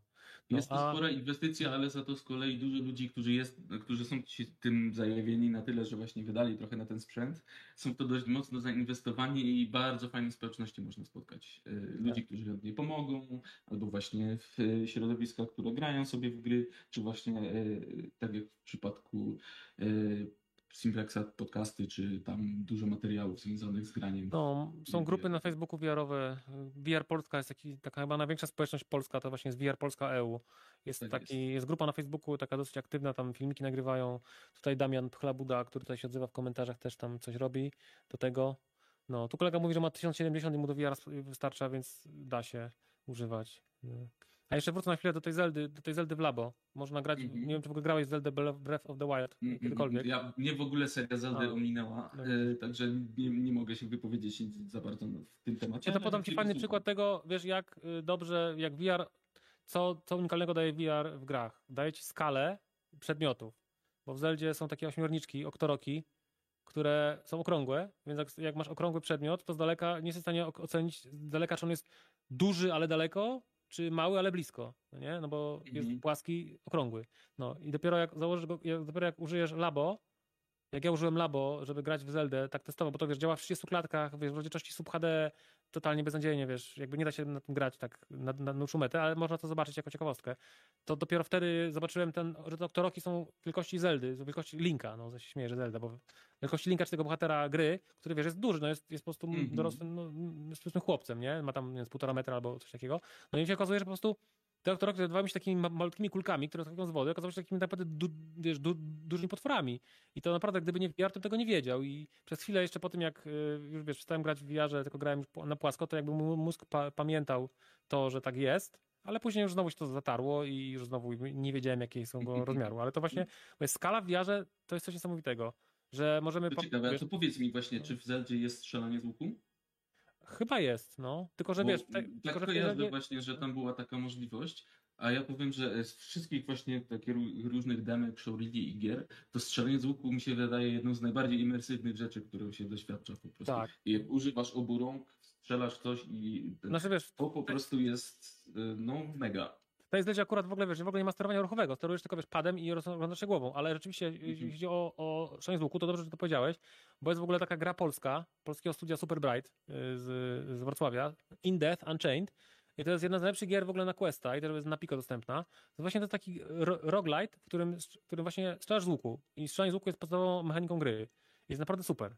Można też potem odblokować kusze i z kuszy strzelać i tam ja wolę kuszę, bo kusza jest tak, można powiedzieć, dla nubków, bo się po prostu łatwiej strzela, bo nie trzeba, wiesz, naciągać cięciwy. Yy, yy, ale... O, kolega zniknął? A, dobra. No, No, więc- więc faktycznie muszę W ogóle strzelanie, wiesz, strzelanie w ogóle z broni w kto- wiesz. Strzelanie z broni w wiarze jest fantastyczne, bo tak jak tutaj, prawda, mamy tą naszą broń, to musimy po prostu ją złapać, musimy celować muszka, szczerbinka, wszystko złożyć, inaczej nie trafimy. Nie ma tak, że mamy, mamy na ekranie celownik i tam, gdzie, i tam, gdzie celownik wskaże, to tam poleci kula. My musimy sami wycelować przez, przez instrumenty celownicze. I to jest naprawdę fajne. W wielu grach jest też, ręczne przeładowywanie, że musimy magazynek wyciągnąć y, z broni, zabrać nowy, wsadzić, więc to jest też bardzo fajne. No. Halo, halo. Dzień dobry. Siema, mamy słuchacza. Ja tutaj od razu uchylę rąbka tajemnicy. Oczywiście jestem kamerzystą. A, to ty. Głos znajomy się wydawał. No widzisz. E, No po pierwsze to dzięki wielkie tutaj za ten, za i pomysł, i, i, i bycie, i przyjęcie zaproszenia i tak dalej. E, No bo bardzo ciekawe doświadczenie, nawet z mojej perspektywy tutaj nie VR-owej. Cały ten świat jak wygląda. On może nie jest jakoś wybitnie malowniczy i właśnie na ten temat chciałem się wypowiedzieć, mm, zapytać i tak dalej. Mm, Ale no mimo wszystko to jest bardzo ciekawe doświadczenie, szczególnie właśnie ta animacja tych rąk w waszym wykonaniu. Super sprawa, mega to imersję poprawia, ale też e, to dodaje kolejną warstwę, e, warstwę do tej komunikacji, którą tutaj mamy, tak? Jasne, że najprościej jest się pojawić na kamerze, ale tutaj e, zawsze można mieć ten VR awatar i, i, i coś innego w ten sposób pokazać, tak? Myślę, że to jest świetna rzecz. Mm, Ale no, tak jak mówiliście, to wygląda jakby miało tak z 10, 12, może i więcej lat y, na koncie. Mm, I ten, i muszę powiedzieć, że niekoniecznie każdemu się musi podobać taka grafika. Czy to nie jest czasem tak, mm, że ludzie się odbijają od VR-u właśnie z tej przyczyny? Że to wszystko jest takie, no słabe, na słabo honoru, jeżeli chodzi Mnie o się to? wydaje, że VR ma więcej wad, od których można się odbić niż grafika, bo Bo do tej grafiki się można przyzwyczaić, bo jak jesteś w VR-ze, widzisz skalę, widzisz imersję, mi to nie przeszkadza, że on jest, wiesz, animowanym awatarkiem. W VR-ze problem jest taki, na przykład taki, że musisz nałożyć gogle na głowę, które ciążą z przodu, że się tam pocisz, robić się gorąco. Trochę tak jakbyś siedział w pracy w e, goglach takich e, Spawalniczych, cały czas na głowie przez na przykład kilka godzin. Jesteś odcięty od środowiska, e, no nie wolno, motocyklowy na głowie. wiesz, możesz nadepnąć na zwierzaka, albo wróżona cię woła i nie słyszysz. Jakby to są, to są moim zdaniem większe problemy z VR niż grafika. Jakby ja ogólnie bardzo lubię, jestem można powiedzieć graficzną dziwką. Ja zawsze kupuję najnowsze karty graficzne, najlepsze gram na, na najwyższych detalach i w ogóle tak na PC normalnie. Muszę mieć wszystko super i lubię gry z ładną grafiką bardzo, ale w VR po prostu jakby ja zaakceptowałem w to, że w tego nie ma, bo są inne, inne zalety. Jakby brak, yy, brak dobrej grafiki jest rekompensowany właśnie tym, że jest skala, że jest imersja, że mamy głębie, widzimy rozmiar obiektów. Y, Tego No, nigdy też- gra, tego nigdy 2D nie odda. Można by ja powiedzieć, no. że to jest troszeczkę tak jak na przykład różnica między filmem takim zwykłym, a filmem 360, który możesz się rozglądać Tak. na wszystkie strony, to to jest jeszcze taki film, po którym możesz chodzić i zobaczyć Dokładnie. sobie, co się dzieje z każdej strony. To tak wyobraź sobie, i są też takie właśnie y, rozwojowe technologie nagrywania filmów y, na zasadzie skanu 3D w czasie rzeczywistym i teksturowywania. Czyli jakbyś sobie mógł chodzić po secie filmu w czasie rzeczywistym y, i patrzeć na akcję z dowolnej perspektywy. To mm, jest zupełnie inne przeżycie y, niż oglądanie akcji tylko właśnie na płaskim y, ekranie przed tobą. A co do tej Tak, ja myślę, no, to, Co do tej choroby lokomocyjnej, to No. gdzieś tak słyszałem, że też mają ludzie problem właśnie w czołgach, dlatego nie każdy może być strzelcem w czołgu czy coś To takiego. jest no bo- temat y, bardzo ciekawy, że to poruszyłeś. Na przykład z dronami i z lataniem FP, Tak. y, z dronami, y, z tymi z goglami, no nie? Ludzie, którzy się do tego przyzwyczaili, to też z VR-em podejrzewam nie mają większych problemów. no. Natomiast są ludzie, którzy po prostu nie są w stanie tego przeżyć yy, no, fizycznie. Także to bardzo zależy od człowieka. Niektórzy są yy, lepiej przystosowani, inni mają troszeczkę. Ja myślę, że warto próbować trenować, bo może się, za, może się zahartować. Organizm ludzki jest bardzo adaptowalny, potrafi się przyzwyczaić do bardzo niesprzyjających warunków.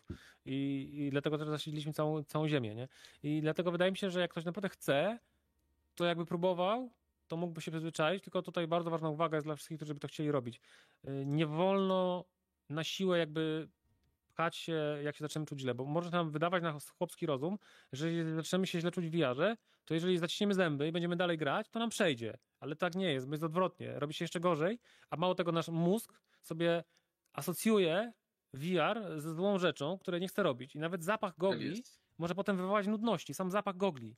Więc nigdy nie, y, nie próbujcie na siłę zostawać w goglach, jak się zaczynacie czuć źle, tylko na pierwszym, przy pierwszych objawach dziwnego samopoczucia, że już czujecie, że coś jest nie tak i że wam się jest dziwnie, od razu zdejmujemy gogle i robimy sobie przerwę. Czy nawet na cały dzień, albo na parę godzin. Tak. I można tak wracając codziennie albo co kilka dni, próbując, za każdym razem powinniśmy dłużej być w stanie wytrzymać, aż dojdziemy do momentu, kiedy możemy po prostu robić sobie takie sesje, jakie chcemy. Mówię, u mnie to, ja to mówię tylko co słyszałem, bo jakby ja nie miałem nigdy czegoś takiego. Ja wszedłem No ja do VR-u i od razu powiedzieć- byłem urodzony do VR-u. Tak, ja muszę powiedzieć, że gracze tutaj mają się dużo y, łatwiej, bo są od Też. lat tacy bardziej hardkorowi przyzwyczajeni. Gracz FPS właśnie. te, tak, że do tego może pamiętacie, nie wiem, jak tam byliście młodsi i y, mieliście takie sytuacje w takich grach, jak, y, nie wiem, w e, strzelankach, takich bardziej horrorach, że się na przykład jak coś leciało w waszą stronę, to się chowaliście za monitor, Mhm. takie czucie, nie? To po latach przechodzi, jak się jest przyzwyczajony do tego, że się siedzi cały czas przed monitorem i już nie uchyla przed różnymi rzeczami przed ekranem, prawda? No, także jakby trening też dużo na to wpływa i to jak jesteśmy, y, powiedzmy, y, no, uwarunkowani przez, przez, przez dłuższy okres czasu, ale jak jest jakiś casual, który podchodzi do tego pierwszy raz, to trzeba mega uważać. E, To ja mam jeszcze akurat pytanie natury takiej, e, no dwojakiej. No, ma, macie w agendzie to, żeby było o tych, e, że tak powiem, poważnych zastosowaniach, to też czekam na to z wypiekami, ale moje pytanie jest takie, mm, czy wydaje wam się, że albo powstaną jakieś całkowicie nowe gatunki gier, albo jakieś mniej oczywiste gatunki gier będą do tego, do VR-ze używane, na przykład strategiczne, A, czy coś takiego? Czy jakiś gatunek Są gier będzie miał powrót na przykład w VR-ze? Są gry strategiczne, które y, można sobie pograć w VR, albo są na przykład simbuildy, y, takie na przykład tam City Skylines VR. Mm, Mnie się wydaje, że bardzo gry rytmiczne wróciły do. VR-u, wiesz? VR ma dziesiątki gier rytmicznych i te gry rytmiczne są fantastyczne, wiesz, Beat Saber, killer przemega. Ja w ogóle gry rytmiczne nie grałem, wiesz, na płasko, bo mnie to nigdy nie jarało. Nie widziałem w tym w ogóle żadnej, wiesz, wartości dla mnie. W VR-ze przegrałem dziesiątki, jak nie setki godzin, wiesz, w, w, w, w tym, oczywiście, Audika. Król, najlepsza gra rytmiczna Audika, którą zrobił Może Harmonix. powiedzmy, co to jest ten Beat Saber, bo to zrobiło szał przez pewien czas. Jest dużo Tak. filmów na YouTubie, można sobie zobaczyć. To jest No. gra taka, no, w którym się jest Jedi. Tak, mamy dwa miecze, niebieski, yy, czerwony. Stoimy na arenie, lecą na nas klocki, takie po prostu kostki, które mają strzałki i musimy przecinać te kostki do rytmu zgodnie z, z ruchem strzałki. I to się wydaje tyle, ale tak pozornie, tak, I tak, proste. I- Hmm. Graliście w Guitar Hero kiedyś na przykład e, w gry właśnie takie rytmiczne, w których masz tą gitarkę albo klawiaturę i musisz właśnie wbijać nutki, które gdzieś tam sobie spadają i to już po prostu mega wkręca i jest rewelacyjne. To to masz taką grę, że, że masz te miecze świetne i musisz do rytmu przecinać różne klocki w powietrzu. I są ludzie, którzy te, w ogóle robią różne fikołki, kuźwa, te triki Dwa Jedi, miecze. różne, nie Są tryby Darth wymachy, Maula, tak, podwójnym załączy- mieczem. Y, po prostu, y, no i się wygłupiają jednocześnie przy tym, że to jest taki trening Jedi w rytmie. I po wiesz, to już tak zabawa. weszło do mainstreamu, że w ogóle wiesz, najbardziej znani, znani artyści tutaj do tego, wiesz, udostępnili piosenki. Czy tam Penny Get the Disco, ja Yes. tam, ty, wiesz, ja się nie znam na tej społecznej muzyce, ale wiem, że tam Ariana Grande, jakaś tam Taylor Swift, albo nie wiem, ta, od, kurde, zapomniałem, Billie Eilish, no. Także naprawdę to już weszło do mainstreamu i w ogóle w Stanach na billboardach były reklamy, ja widziałem takie zdjęcia ze Stanów, że tam w ogóle, wiesz, bo Facebook w Stanach masę kasy władował w reklamowanie VR-a. I my tego nie, nie widzimy, ale tam w Stanach mają normalnie, wiesz, billboardy, które reklamują Questa, reklamują Beat Sabera, a przynajmniej kiedyś były, może teraz już nie ma, bo Meta nie ma, nie ma pieniędzy, nie? No. no a drugą taką właśnie grą rytmiczną, o której chciałem powiedzieć, której też prawnik nie słyszał, to jest Audika i to jest moja, moja ulubiona gra rytmiczna, która jest, ma dość wysoki próg wejścia i na początku łatwo się od niej odbić. Ja sam od niej się odbiłem i później do niej wróciłem i jakby nie żałuję, bo spędziłem w niej setki godzin. I to jest gra, w której gra zrobiona przez Harmonix, czyli wiesz, ekspertów od gier rytmicznych. To są goście od, wiesz, od tych wszystkich znanych gier, no nie? Jakieś tam, nie wiem, co zrobili, Guitar Hero, Lumines, no zrobili kupę dobrych y, gier y, rytmicznych. Zrobili gierkę VR-ową, w której stoisz na arenie i masz dwa, dwa pistolety i lecą z, dwóch stron, z lewej i z prawej strony lecą takie tarcze, które mają oczywiście swoje kolory. Pistolet ma jeden kolor tam niebieski, drugi pomarańczowy, no i lecą pomarańczowe tarcze i, i niebieskie tarcze. I tutaj trudność polega na tym, że musimy strzelić oczywiście do rytmu w, te, w taką tarczę, dokładnie w tym momencie, kiedy jakby jest jej czas na, na to, żeby ją zestrzelić. Mamy takie no, nie, krótkie ok- okienko, wiesz, które trwa mm, setki milisekund. To jest, wiesz, to są ułamki sekundy. Nie dość, że musimy strzelić w, dokładnie w tym momencie, też musimy trafić, no nie? Czyli wiesz, trzeba jednocześnie mieć koordynację i czasową i przestrzenną. I to jest naprawdę trudne.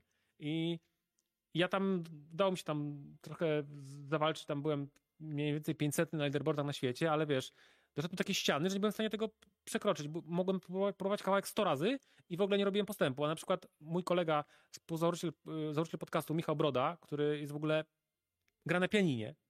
Tak można powiedzieć pół, że nie powiem, że zawodowo, ale wiesz, gra od lata pianinie, ma tak wyrobioną się rytmu, że on był w stanie, grając, wiesz, od niechcenia zrobić rekord, którego nie byłem w stanie pobyć przez dwa dni, no nie, próbując ciągle. Po prostu, bo już nie mam takiej możliwości. Ale mimo wszystko uważam, że świetna, świetna e, gra, Audica, e, się tak pisze, Audica, i jest dostępna też na Questa i można do niej piosenki wgrywać, wiesz, customowe, nie są tak O, trudne jak w przypadku Beat Sabera, bo w Beat Saberze, wiesz, e, to jest jakby nie, to jakby nie no nie powiem, że to jest nielegalne, ale to jest nieoficjalne. I za każdym razem, jak y, twórcy gry wypuszczą nowego, nowego patcha, to przestają działać mody. I, I moderzy muszą wypuszczać nowego, nowego moda na nową wersję Beat Sabera.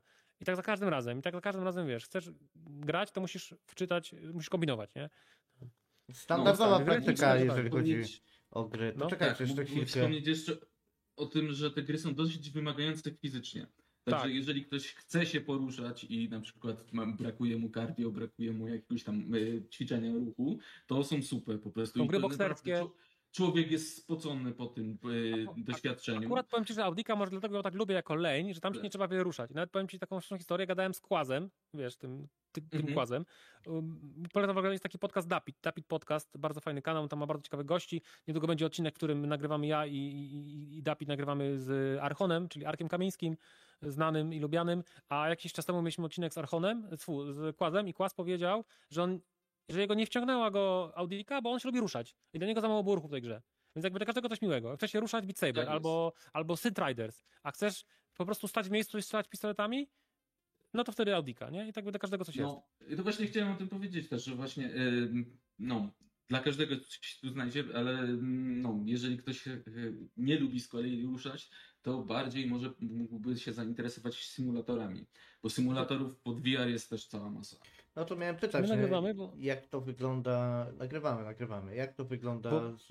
U mnie stream się wy- wywalił, sorry. Bo... Nie, ja widzę, że jeszcze leci. Nie mam żadnego Aha, okej. komunikatu. Bo Czat mi zniknął, coś się u mnie dzieje dziwnego, bo u mnie nie ma ani czata. U mnie ostatni czat jest z 9.10, jest 7.10. No to sobie przeładuj okno, bo leci wszystko, nikt, nikt tutaj nie Tak zgłasza. jest, Dobra. Technikalia też jeszcze musimy dopracować, bo to jest nasza pierwsza taka eksperymentalna audycja w ten sposób. No, Czyli ja rozumiem, że- sobie lepiej okna też porozkładać, bo wszystkiego. To czyli nie rozumiem, że na Discordzie nikt nie zgłasza problemów. Nie, ani na Discordzie, ani na czacie. No dobra, YouTube'owym. to coś jest u mnie, bo u mnie po prostu wszystko się wywaliło. No. A internet mi działa, skoro z wami gadam, nie? No dobra, No. sorry, że taki off-top, ale naprawdę myślałem, że coś się stało dziwnego, bo u mnie nie ma po prostu, y, nie jest w stanie y, tego oglądać. Powiedz mi jeszcze, y, bo tak widziałem u, Urysława, jego syn zrobił o modach do, do Skyrima, polecam swoją drogą. Mm, Mhm. Jak wygląda ten Skyrim VR? No i jaka jest kwestia tych oczu? Jak one się tutaj ruszają, według jakiej fizyki te, te, te oczy? Co, kto śledzi wasze oczy tutaj w tych modelach? I to tyle. Ja jako odpadam już jako dzwoniący i znowu Aha. się idę za kamerę. Ja Mhm. mogę, i, i sprawdź, te, co się dzieje z tym streamem, bo ja naprawdę się martwię. No w każdym razie, jeśli chodzi o Skyrima, to tak, no to jest port taki prosty, to Bethesda to zrobiła, więc Skyrim jest w ogóle dostępny na PSVR, to jest ciekawe. Tam jest bardzo dziwne sterowanie y, kontrolami ruchowymi, ale można też sterować padem. robiony w wersji y, na ten, na co tam oni mają, Alexa, czy coś takiego. Był, no tak. audio. Skyrim jest we wszystkich możliwych wersjach. Zastanawiam się, czy jest na lodówkę albo odkurzacz. Podobno ta, tak. Jeśli nie, to ktoś go pewnie już robi. No, ale wracając do pytania. y, Sk- Skyrim VR jest spoko na PC, bo są na niego mody. Sama ta gra bez modów jest taka sobie, ale powstały takie po prostu multum modów VR-owych, że można sobie niesamowicie stworzyć. Można w ogóle wydawać, y, można za, zaklęcia wymawiać, wiesz? Po prostu. I wtedy one są wykonywane. To nie? jest, to jest świetne. Yy, No, mówię ci, jest w ogóle, jest w ogóle taka stronka Waba, Waba Jack. To się pisze W-A-B-B-A Jack, Waba Jack.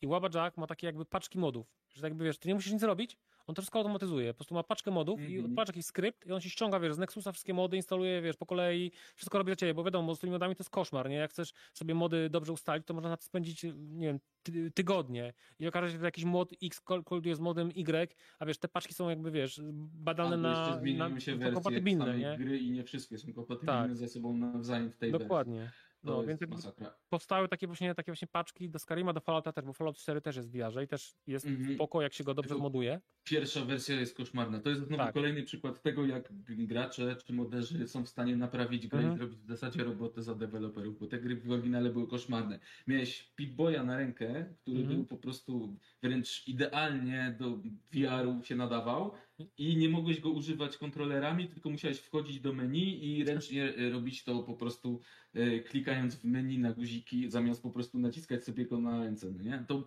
po prostu wywalało z imersji No bo wiesz, Pip-Boy nie miał ekranu dotykowego po prostu. No, a jak chodzi o, o, chodzi o Skyrima pierwszego VR-owego, to też był port i miałeś właśnie taką sytuację, jak tu teraz widzisz, że masz miecz Tak. i w wiem, że- miecz nie ma y, bezwładności, jest po Tak. prostu idealnie leciutki teraz, żeby nic nie walnął, muszę uważać. E, Miałeś taką sytuację, że podchodzisz do potwora i robisz tak Dokładnie. I potwór dostaje... i go, zabija, i go zabijasz. Tak. I tak po prostu byłeś w stanie całą grę przejść. Tak Podchodzisz i robisz Tak jest. Bo on nie ma żadnej wagi, no nie, nie musisz machnąć y, jakimś tam rozmachem i przez jakiś tam dystans, tylko po prostu zadajesz obrażenie, jak dotknie krawędź miecza, no nie potwora, to mógłbyś po prostu go... To jest dla VR, to wina deweloperów Bethesdy. nie? Też fatalne to było, y, jak chodzi o, o, o, o development, natomiast no, przeżycie ludzie y, prezentowali całkiem fajne, bo po prostu dużo ludzi pała miłością serdeczną do Skyrima, ja zresztą też. I po prostu robili na przykład... Ogromne, otwarte światy i tego brakuje. Tak, I to robili te sytuacje, w których tylko sobie chodzili po całym świecie i na przykład razem z tym właśnie urządzeniem dochodzenia, nie pamiętam jak się nazywało, że na przykład spędzali cały dzień w Skyrimie, są takie filmy, no, nie czytam, kilka dni w Skyrimie i sobie żyje cały czas tam w świecie i nie ściąga go w ogóle. I po tego... prostu tak się potrafili ludzie w to wkręcić. Zgadzam się. To prawda. A jeśli chodzi o śledzenie oczu, no to my, nasze gogle nie mają śledzenia oczu. Po prostu to jest wszystko robione przez algorytm. Yy, losowo mrugają. Ale Tak jest. Ale jest śledzenie oczu już planach i właśnie to jest coś, co mnie się troszeczkę nie podoba. Ale możemy też o tym powiedzieć. No, ja tylko powiem, jeśli chodzi o Season to tak. y, MetaQuest Pro, Google za 1800 euro mają to siedzenie, mają też siedzenie twarzy, więc nawet gesty, nawet ruchy ust. Nasze ruchy ust są po prostu robione przez algorytm. Algorytm słyszy dźwięk z mikrofonu, więc algorytm y, losowo rusza paszczą, a y, w MetaQuestie Pro to jest rozpoznawane, jak nasza szczęka się rusza. Można robić miny, śmiać się, być smutnym i tak dalej. Języka chyba nie, nie obsługuje jeszcze. No i, i PSVR 2 też będzie miał śledzenie oczu. I to śledzenie oczu będzie wykorzystywane, przynajmniej w teorii, w celach dobrych, czyli takich, żeby, żeby wiedząc, gdzie my patrzymy, renderować w, tylko w tym miejscu najlepszą grafikę. I to jest akurat spoko, ale tak jak mówisz, jest ryzyko takie, że na przykład będą mogli reklamodawcy widzieć, czy my patrzymy na ich reklamy, czy nie. I to już jest trochę taka robi się z tego antyutopia. Czy tam dystopia. Dokładnie tak. No, Albo wiesz, no jest do Vive'a tak samo taka przystawka, tylko na spód twarzy i to Tak. wykorzystują fajnie ludzie do śpiewania, bo ona już ci e, sczytuje e, obraz e, ust i twarzy i mimikę potrafi fajnie wzorować. Bardzo fajnie po prostu, właśnie zwłaszcza w tym metaverse, ludzie robią tego rodzaju na przykład koncerty, czy Wow. no, prze, przedstawiają. To jest, to jest super.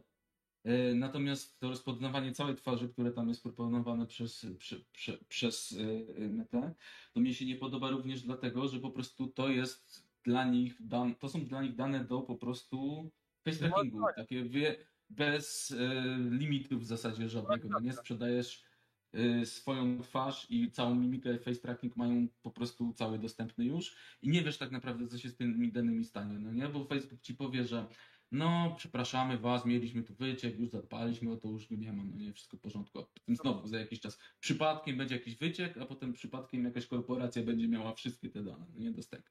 Nie mogą tego sprzedać, no ale no, co oni mogą poradzić na to, żeby mieli wyciek? No tak, no ale tak jest wszystkimi naszymi danymi. I tutaj jakby to są po prostu kolejne dane do paczki, no nie? Yy, co- Tak jest. Podobnie jest e, też ze skanami ciała. Ta kwestia no nie, z- z- była poruszona, mamy ją też e, swoją drogą zapisaną. E, możemy o tym też pogadać, jeżeli e, ten. No pewnie, sorry, ja tak patrzę, wiesz, na mój ekran, wiesz, wirtualny. Właśnie? Aha, bo, bo ja cię widzę, jakbyś patrzył na tego szkieleta i się zastanawiam, czy on. Nie, nie, nie, ja go nawet nie widzę, on jest zasłonięty moim ekranem, tak przepraszam cię, ale chciałem po prostu sprawdzić, czy rzeczywiście... Okej, spoko. Czat, ja, Ja będę o, ja od. o 10 straciłem czat po prostu i muszę Mhm. to nadrobić. No. Dobra, to ja będę kontynuował o tych skanach. No, Okej. bo oprócz właśnie tego, że e, skanujesz całe ciało, na przykład przy tym full body trackingu, e, czyli na przykład tak jak w przypadku, e, mm, jak się nazywał, Kinecta, jesteś w stanie e, zrobić Kinectem skan taki uproszczony ciała całej. Mhm. Tak w zasadzie e, z tych danych jesteś w stanie wybudować model danej osoby, a potem zrobić z nim w zasadzie co chcesz. Tak samo, e, jeżeli sobie zeskanujesz taki e, model ciała profesjonalnie do tego, żeby go zastosować gdzieś na przykład w jakiejś wizualizacji albo do jakiegoś spotkania czy czegoś takiego, to ktoś może się włamać i na przykład ten model ci po prostu zakosić. Albo jeżeli system nie jest jakiś turbo odporny na e, no, ingerencję z zewnątrz, no to w naszym przypadku no ja mógłbym zapisać twój awatar sobie bez problemu. I w zasadzie będzie już u mnie zapisany na dysku. Teraz pytanie, gdzie jest granica prywatności? No bo mamy ten problem w e, game devie związany z tym, że na przykład aktor, który mm, mm, podkłada, e, znaczy jest modelem do e, tworzenia postaci w grze, e, w zasadzie sprzedaje swój wizerunek, a potem są bardzo przeróżne, nie do końca czasem miłe dla tych ludzi zastosowania tych modeli, które są właśnie w tej przestrzeni, czy meta, czy... Którego model Keanu Reevesa nie ma, nie ma modela Keanu w tym Unreal, wiesz, tym Matrix Awakening, no nie, tym takim Tak. demie, które było na No. PSP. Więc to jest bardzo poważne zagrożenie, no nie? Co potem, wiesz, z twoim modelem ktoś może wyrabiać, wyczyniać, stosować go do y, swoich filmów, swoich materiałów. Już mamy y, deepfake'i, już mamy, już mamy, już możemy robić w- na filmach Tak ludziom, wiesz, już, już jakieś, wiesz, y, jacyś zwyrole No. nakładają, wiesz, gwiazdom porno na twarze, wiesz, aktorek, aktorki, no nie? Więc No tak. ten problem już jakby, już ten most został przekroczony, tak jakby, wiesz. Wiesz, teraz była na przykład ta sytuacja, że prezydent Zełański był skanem y, 3D na jakiejś konferencji, nie? No to on ma w zasadzie profesjonalnie zeskanowane, tak jak robimy skany do przemysłu, no nie? Po prostu całe ciało.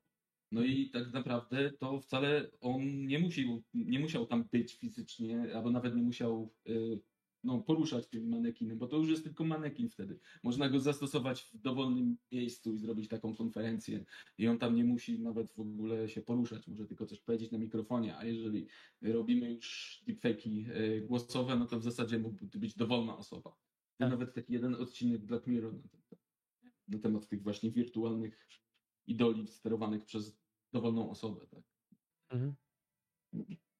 No, to, jest spore niebezpieczeństwo. Ja myślę, że no, mam nadzieję, że ustawodawcy jakby będą starali się jakieś wprowadzić jakieś przepisy, jakby, bo tak naprawdę co możemy zrobić? Jedyne co, jedyne, co efektywnie można zrobić, to albo tego nie używać, albo używać na przykład, mieć awatary, które nas nie przypominają, no nie? Albo... No tak, ale tutaj ten skan twarzy, czy tam właśnie tracking ciała, to już umożliwia zrobić. zrobić Dobra, ale wiesz-. Nie musisz nawet, wiesz, tego wiedzieć. Dobra, ale oni, no wiesz, tak, nie wiadomo jak to działa i nie wiadomo jakie dane są przekazywane, nie? To prawda, ale widzisz, powstało na przykład RODO, no nie, i działa tam raz lepiej, raz gorzej, ale jakoś tam istnieje i te duże firmy muszą do niego, do niego stosować, więc ja mam nadzieję, że powstanie jakieś VR RODO, które będzie faktycznie tego pilnować i będą kary, bo ja nie widzę innego, innego wyjścia, żeby to po prostu państwa stworzyły ustawodawstwo, ustawodawstwo i go przestrzegały.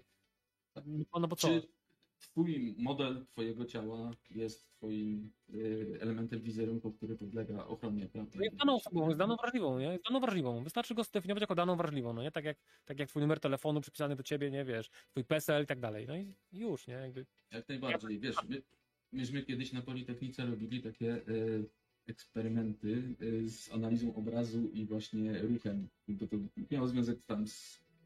A, żeby nie powiedzieć, powiedzieć źle. Nie chodziło o badania ortopedyczne. Nie? Na podstawie analizy obrazu y, tych punktów takich, no nie, z trackerami, można było pokazać y, y, no, jakby wykres ruchu y, postaci w czasie, no i y, porównywać to z różnymi skorzeniami i na przykład na podstawie potem nagrania wideo byłeś w stanie powiedzieć, czy ta osoba ma na przykład jakieś skorzenie.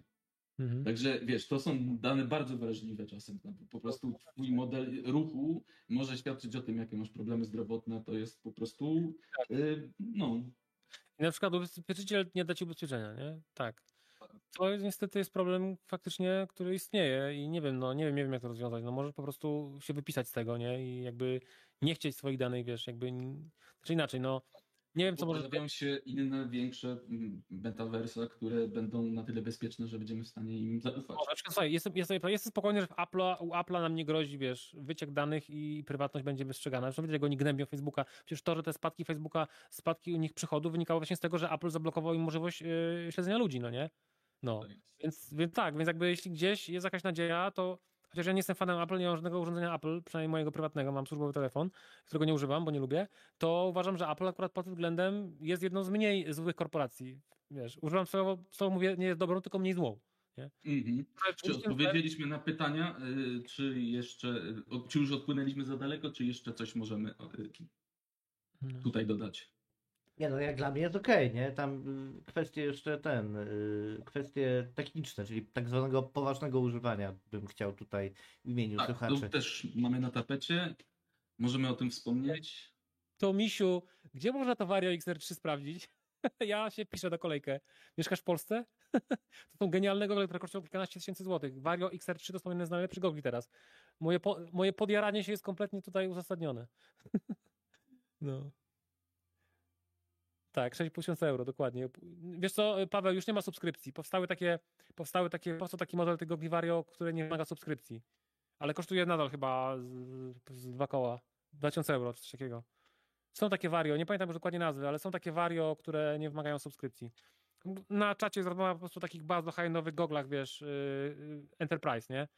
Fi, fińskiej firmy Vario, więc jakby nie, nie tylko Facebook i nie tylko, nie tylko TikTok, ale też inne firmy nad tym coś pracują, więc jest firma Vario, która robi gogle bardzo high-endowe, które są naprawdę mega, mega, mega yy, wyraźne i superowskie, tylko są kosmicznie drogie niestety. No. Więc tak. Dobra, patrzę tam jeszcze na tego czata. Ktoś tam w ogóle pisał wcześniej o tym, że VR powoduje y, wady wzroku u dzieci. To prawda. Ma, tam, nie wiem, dzieci do 13 roku życia w ogóle nie, nie powinny użyć VR albo bardzo rzadko. Ja się totalnie zgadzam. Jakby no, Mhm. no, wszystko szkodzi, wiecie, wszystko y, jakby przedawkowane szkodzi, no nie? Można, się, można wodą się zabić. Wiesz, można wypić tyle wody, że umrzesz. Nie? Więc Dawka jakby- truciznę, tak jest. no, no więc, więc tak, no, trzeba z rozsądkiem tego używać, bo w VR jest taki problem, który jeszcze nie jest rozwiązany, że jak patrzymy na przedmioty, że my patrzymy na przedmioty na przykład bardzo daleko albo blisko, ale nasze oko de facto patrzy na soczewki, które są bardzo blisko, y, no nie, tych oczu. I mm, oko ma konflikt. Jest taki konflikt, y, właśnie zawsze zapominam jak on się nazywa. Ja znam go po angielsku, się po angielsku nazywa Vergence Accommodation Conflict. To jest konflikt konwergencji i nie wiem, skupienia, jakichś takich No, dwóch. akomodacja się to mówi też. Akomodacja i, i coś tam, nie? I, i, i, i wergencja chyba, po, po angielsku vergence, po polsku nie wiem. I chodzi właśnie o to, o to że nasze oko jest jakby Nasze oko próbuje wyostrzać obraz na coś dalszego, a tak naprawdę widzi coś bliższego i to No. też nie jest do końca Próbuje- to nie jest zbyt, to, to, że to nie, że to nie jest zdrowe, że tam zabija czy oślepia, bo nie, bo jak, gdyby tak było, to bym, bym ślepy był. Yy, No, bo, bo ja tego przecież wiele bardzo dużo używam. No ale fakt jest faktem, że właśnie niestety jeszcze, jeszcze nie, istnieje, tak- nie istnieje taka technologia, która by umożliwiła naprawienie tego. To muszą wejść ogóle ostre hologramy, jest coś takiego jak light fields, jakieś tam pola świetlne, bardzo zaawansowana technologia, która po prostu jeszcze no nie, myślę, jeszcze lata miną zanim to do nas trafi. Może Apple coś wymyśli, nie wiem, no, ale to jest, to jest problem akurat faktycznie, nie? No, a to o tym mówiłeś, że dzieci nie powinny używać e, tam VR-u, no to jest jeszcze też kwestia w zasadzie e, tej dosyć sporej otwartości metaversu. No i właśnie dlatego na przykład VR Chat teraz e, ma te ograniczenia i właśnie dlatego na przykład nie można uploadować już swoich żadnych modeli. e, No bo po prostu to jest wolna amerykanka tak naprawdę, tam się dzieje wszystko. To już w powieściach science fiction i w serialach był poruszany temat, mianowicie to, jak starsze pokolenie podchodzi do lu- ludzi młodszych i, i y, na przykład to było chyba w Kaplice właśnie, y, nie, tam y, temat poruszany po prostu związany z seksem i tam o, o, wszelkiego rodzaju przeżyciami tego typu. No i tam właśnie ojciec się dziwi, co nie tam robicie, a tam y, po prostu córka odpowiada, no słuchaj, myśmy tam już zrobili wszystko, co się dało. To już na nas nie robi totalnie wrażenia żadnego. Tak. I powoli idziemy również w tym kierunku. No i y, tak naprawdę właśnie deweloperzy próbują y, troszeczkę to ograniczać, albo właśnie no, No, Facebook na przykład zabanował niedawno dl- dla e, Rekrumu i w ogóle tam innych e, aplikacji, jakby osoby poniżej chyba 12 albo 13 roku życia po prostu nie mogą używać tej aplikacji, a jeżeli będą używać na koncie rodziców, to zostaną po prostu zbanowane. Ja uważam, że to jest bardzo dobrze, bo niestety jest cała masa, mój rant tutaj, rant na, na, na rodziców debili, którzy po prostu wydaje mi się, że jak zostawią dziecko, kiedy zostawiają dziecko, wiesz, yy, z, lap, ta, z tabletem czy komórką, to też oczywiście było patologią, ale tak się działo, a teraz zostawiają dziecko z, z goglami. Dziecko sobie Tak. założy gogle, wejdzie sobie do jakiegoś VR czata, to wiesz, to tak jakbyś zostawił dziecko z bandą yy, niedostosowanych społecznie dorosłych. Chciałbyś jako Tak, rodzic... Nie mówimy oczywiście, że wszyscy użytkownicy VR-u to są niedostosowani społecznie dorośli, żeby nie było. Chodzi No. o to, że po prostu ludzie mają niestety taką tendencję, że trafiają zwykle w takie miejsca, które najbardziej ściągają ich atencję. I to często są bardzo różnorodne miejsca oferujące właśnie tego typu przeżycia. i można tam zrobić wszystko, nie? I po to mamy potem grach jak Rec Room czy Echo Arena. Naprawdę dzieci, które są, nie wiem, nie wiem czy to toksyczne pasuje, no to są po prostu dzieci. One są głupie, bo one są, nie wiedzą co mają robić. Trolują. I znacie problem teabaggingu w strzelankach, no nie? Teabagging w strzelankach tak strasznie bulwersuje, to to jest małe piwo, naprawdę. Jeszcze te dzieci piszczą. Po angielsku jest takie określenie na te dzieci squeakers. Czyli właśnie takie właśnie piszczaki, nie? Bo od razu czuć Mhm. tak po głosie, że dzieci piszczą. Wiadomo, że też mówię, że nie mówię, że wszystkie dzieci takie są, no ale jednak. Dzieci, nie można postawiać dzieci bez kontroli w VR. Nie można w ogóle nigdzie postawić bez kontroli, no nie? Tak, takiej żadnej. Wiem, że myśmy tam chodzili na sobie na podwórko i robili co chcieli, ale powiedzmy, że yy, przypomnę tutaj mema, było nas 11, mieszkaliśmy w jeziorze, więc, więc jak ktoś tak wspomina te czasy z, z, z, no, z, z rozrzewnieniem, to, to nie, bo ja wiele razy mało coś nie zabiłem, więc, więc tak.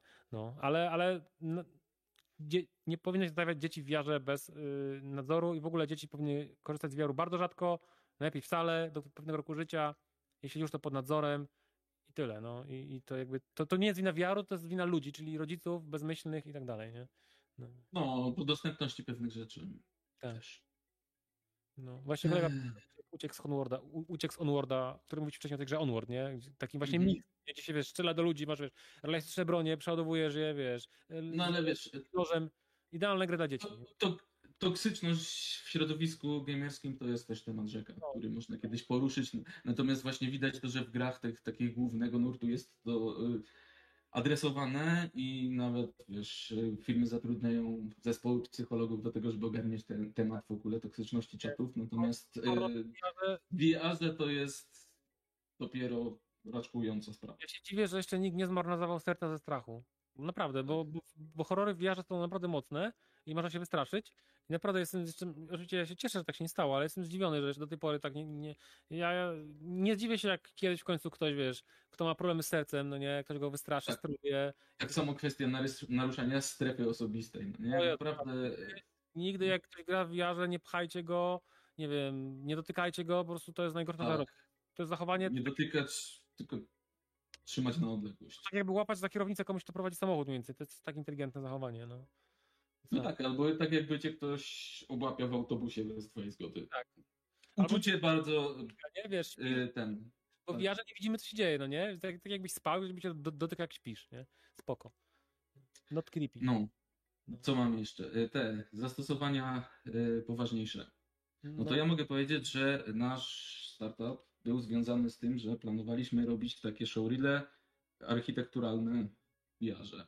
No i to się fajnie y, po prostu prezentuje, jeżeli masz swój projekt, jesteś w stanie przekazać, potem, y, znaczy no, zaprezentować go y, klientowi w ten sposób, może być zainteresowany, jak sobie może pochodzić po tym projekcie, czy go obejrzeć. Natomiast to ma też swoje wady, tylko że to jest osobna rozmowa w ogóle na zupełnie no, inny temat, bardziej marketingowy, czy tam bardziej biznesowe zastosowanie tego VR-u. Na ile to się da sprzedać, to jest po prostu inna kwestia. Natomiast takie zastosowania jeszcze, których się powiedzmy chcieliśmy chwycić, to są szkolenia BHP związane z VR-em. Jesteś w stanie y, przeszkolić ludzi w niebezpiecznych warunkach, y, znaczy do pracy w niebezpiecznych warunkach, y, no w bezpiecznym właśnie otoczeniu.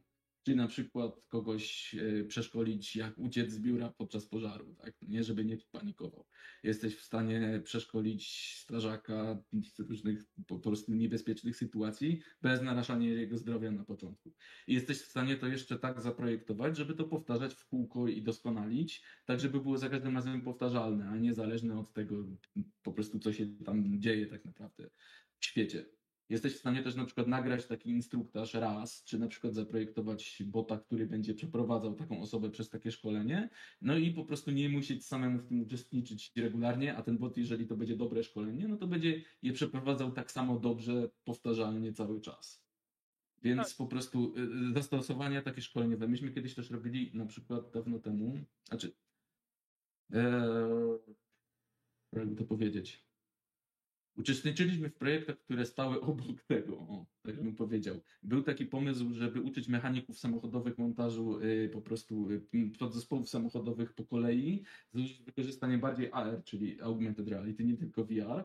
HoloLens? Ale po hmm? HoloLens? Czy to, było? E, to już nie pamiętam, jaki to był sprzęt, bo to było naprawdę wieki temu, bo to jeden z naszych klientów robił po prostu taki projekt bardzo podobny. No w każdym razie chodzi o to, że jesteś w stanie mechanikowi dać na przykład, wiesz, e, instrukcję, e, jak zmontować, e, czy tam jak wymontować jakiś podzespół, dajmy na to z silnika i po kolei jakie elementy musi ściągać, ma listę rzeczy do wykonania, musi odkładać i jest w stanie to po prostu opanować manualną czynność albo kolejność tych elementów w ten sposób bardzo fajnie, bo po prostu może wykonać szkolenie powtarzalne, jeżeli coś pomyli, to ma tę informację o błędzie od razu i może sobie to ćwiczyć w kółko, aż się nauczy i zapamięta nie? Jakby to powiedzieć, no i też nie ponosisz kosztów jak z pierwszą faktyczną rzecz, prawdziwą. Nie? Tak, no, um, na czacie ktoś pisał w ogóle o robotach wiesz, chirurgicznych, do, go, wiesz, Google VR, prowadzenie operacji w ogóle, to się wydaje, że nie, niewiarygodne, no nie? że można operację przeprowadzić po prostu przez VR. Tak jest. Odległość, teleoperacja, to jest coś niesamowitego. No, no to, to jest, mówię, to jest technologia, którą ja się akurat otarłem osobiście, więc to nie jest jakieś takie science fiction, to się faktycznie robi. Natomiast no, z tych takich bardziej science fiction rozwiązań, zastosowań, y, to są takie jak y, na przykład właśnie leczenie różnego rodzaju psychicznych problemów. Tak, znaczy, Jesteś w tym pytanie o ten tak, no nie, nie był to temat, jest tym temat dość obcy, ale tak troszkę o tym poczytałem i na przykład wie, ja wcześniej wiedziałem, że na przykład dzieciom się zakłada, wiesz, gogle VR podczas zastrzyków, żeby się nie bały i wiesz, to w takiej zasadzie, że one coś widzą, jakiś tam świat, jakieś tam ro, latają robaczki, nie wiem, na przykład jakaś tam, nie wiem, przyleci jakiś owad i ich dotknie w to ramię, no nie, i one czują wtedy, wiesz, jakby w ogóle, prawie w ogóle nie czują wtedy tego zastrzyku. To jest niesamowite. Yy, I tak samo na przykład czytałem o takim badaniu o rehabilitacji w jarze, że osobom z Parkinsonem, bo po prostu Mhm. nie znam się dokładnie Nie na jest tym. tylko rehabilitacja psychiczna, również fizyczna. Okazało się, że po prostu po 12 tygodniach y, rehabilitacji osoby, y, które y, były rehabilitowane w jarze, miały lepszą kontrolę nad, nad równowagą i krokami cho- chore na Parkinsona niż osoby, które były poza wiarem jakby rehabilitowane. I to było badanie, badanie na, naukowe, na próbie, wszystko było, wiecie, lega artis. No więc, więc tak, jest tak, że rzeczywiście VR może służyć też fobie na przykład, no nie? Tak. Był kiedyś taki. Tak, tak. Był te, kiedyś taki stary film science fiction, no nie? Czyli ten y, Kosierz Umysłów po Mhm. To był Lano. No, Lano Warner? Tak, tak. No, to to była właśnie historia, może y, jeśli tam sobie ją wspominacie, y, właśnie osoby niepełnosprawnej umysłowo, która została za pomocą VR-u y, tak jakby dzięki temu, dzięki takiemu programowi przeszkolona, że stała się geniuszem zła, który zaczął tam ludzi więzić w tym VR-ze. I wiecie, to kiedyś było takie science fiction, a teraz się okazuje, że te technologie faktycznie służą do tego, żeby pomagać ludziom z różnymi problemami tego typu. Tak, oczywiście nie da się z osoby nieupośledzonej zrobić geniusza, bo to jest niemożliwe, ale da się pewne rzeczy, na przykład fobię można próbować leczyć. Tak. Można, można człowieka na po prostu na no, expose, nie? Jakby Tak. narażać, stawiać go na różne rzeczy produkuje fobię, ale mogą natychmiast zniknąć. I to jest tanie, no Tak bo jest. generowane. To były dwie historie z tym związane. Na przykład to większość ludzi już pewnie słyszała o tym, jak tam ludzi z PTSD po, po tam no nie, przeżyciach e, na wojnie e, leczono właśnie e, tego PTSD, Mhm. czyli stresu pourazowego, właśnie ładując ich goglach wirtualnej rzeczywistości w te sytuacje, w których coś im się tam przydarzyło i oswajając ich stopniowo jeszcze raz tym wydarzeniem, tak żeby po prostu e, no, zyskali na to jakby nowe spojrzenie i nowe podejście do tej sytuacji. Podobnie się leczy na przykład fobie y, związane, no, strach, no, fobie sprzed różnego rodzaju, na przykład, nie wiem, pająkami.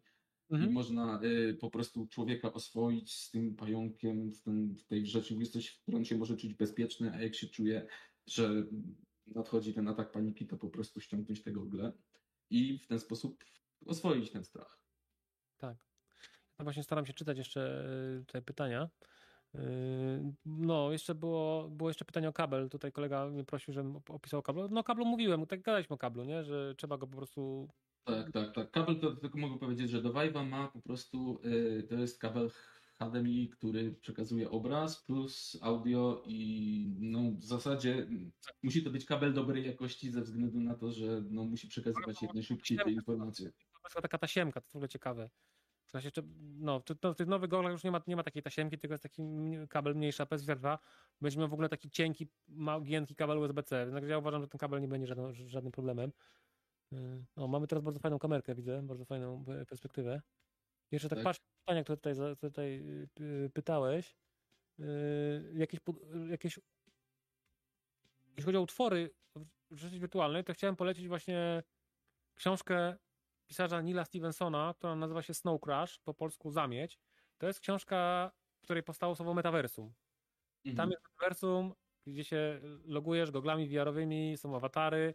W ogóle to jest prześmieszne, bo ten autor w 92 roku książka była wydana, on opisał gogle VR-owe jako ekran, jako gogle, które mają ekrany 2000 na 2000 pikseli na oko i, odświeżane z prędkością 72 klatek na sekundę.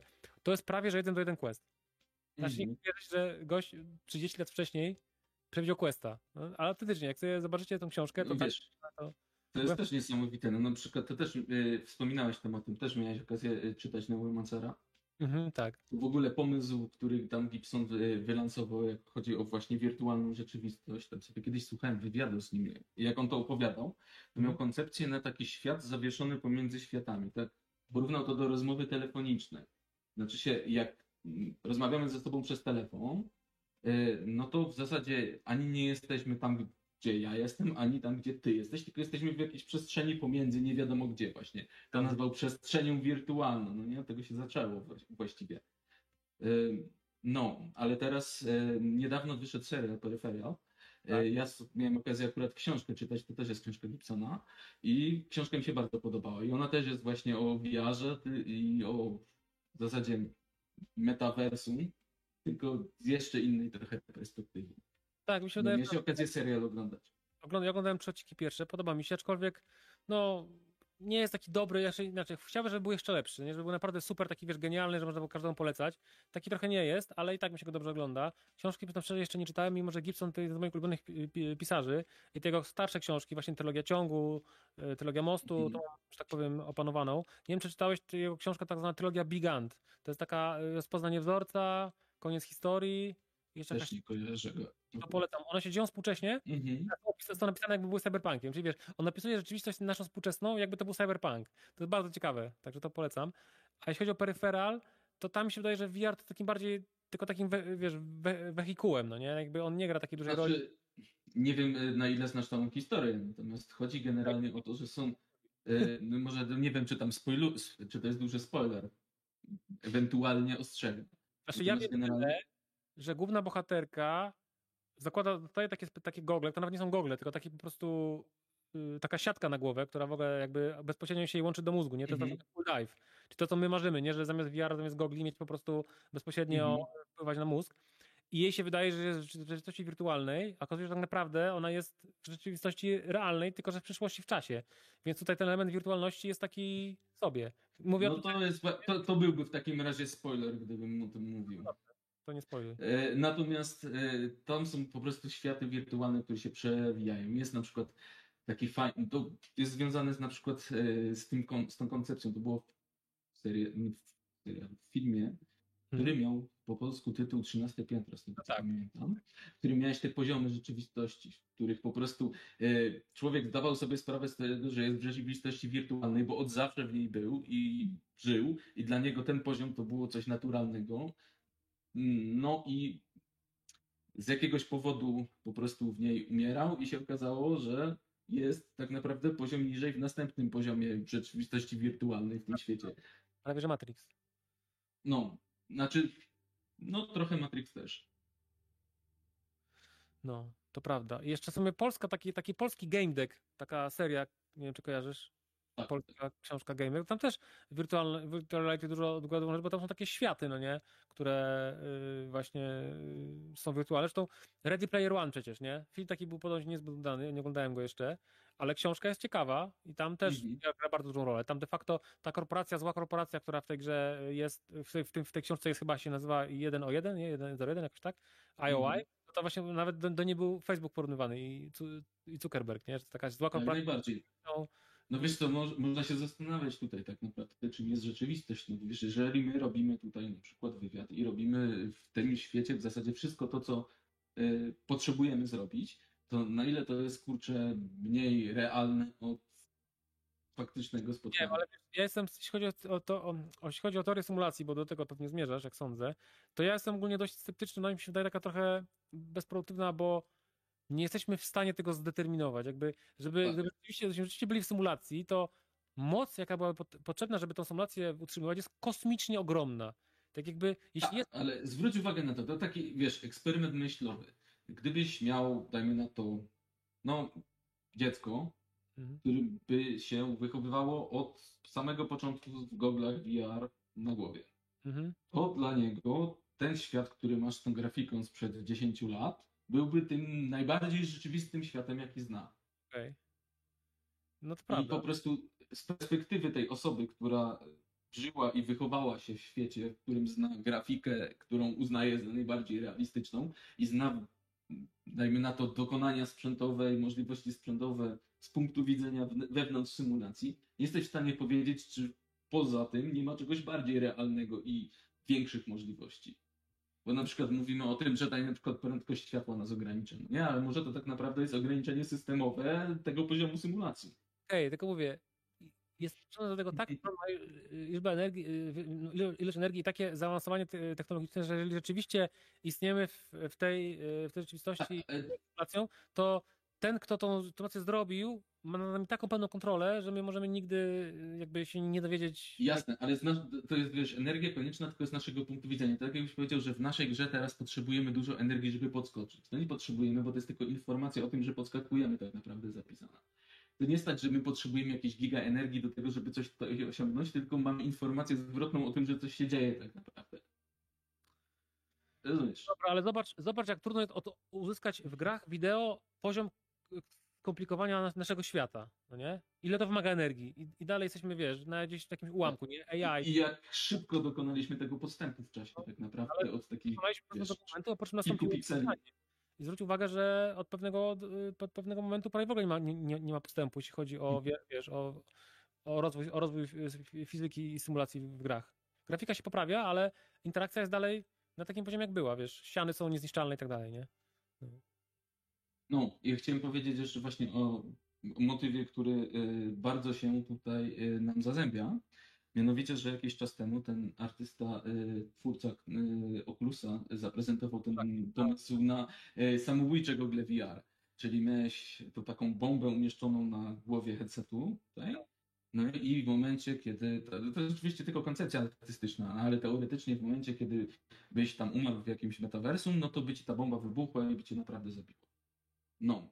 I jest właśnie ta postać, którą mam teraz ubraną jako awatara, to jest postać właśnie ze Sword Art Online, czyli właśnie z takiego anime, w którym y, istnieje taki świat gry, w którym ludzie mają już te headsety, tak jak wspominałeś, które po prostu cię unieruchamiają, masz coś w rodzaju paraliżu sennego i sobie tam grasz w grze, ale ktoś powoduje, że nie można się z niej obudzić po prostu. I ludzie, którzy faktycznie giną w tej grze, to jest gra MMO właśnie tam, nie, typo, typowe gra MMO z walką na miecze, który jeżeli ktoś zginie wewnątrz, no to umiera naprawdę.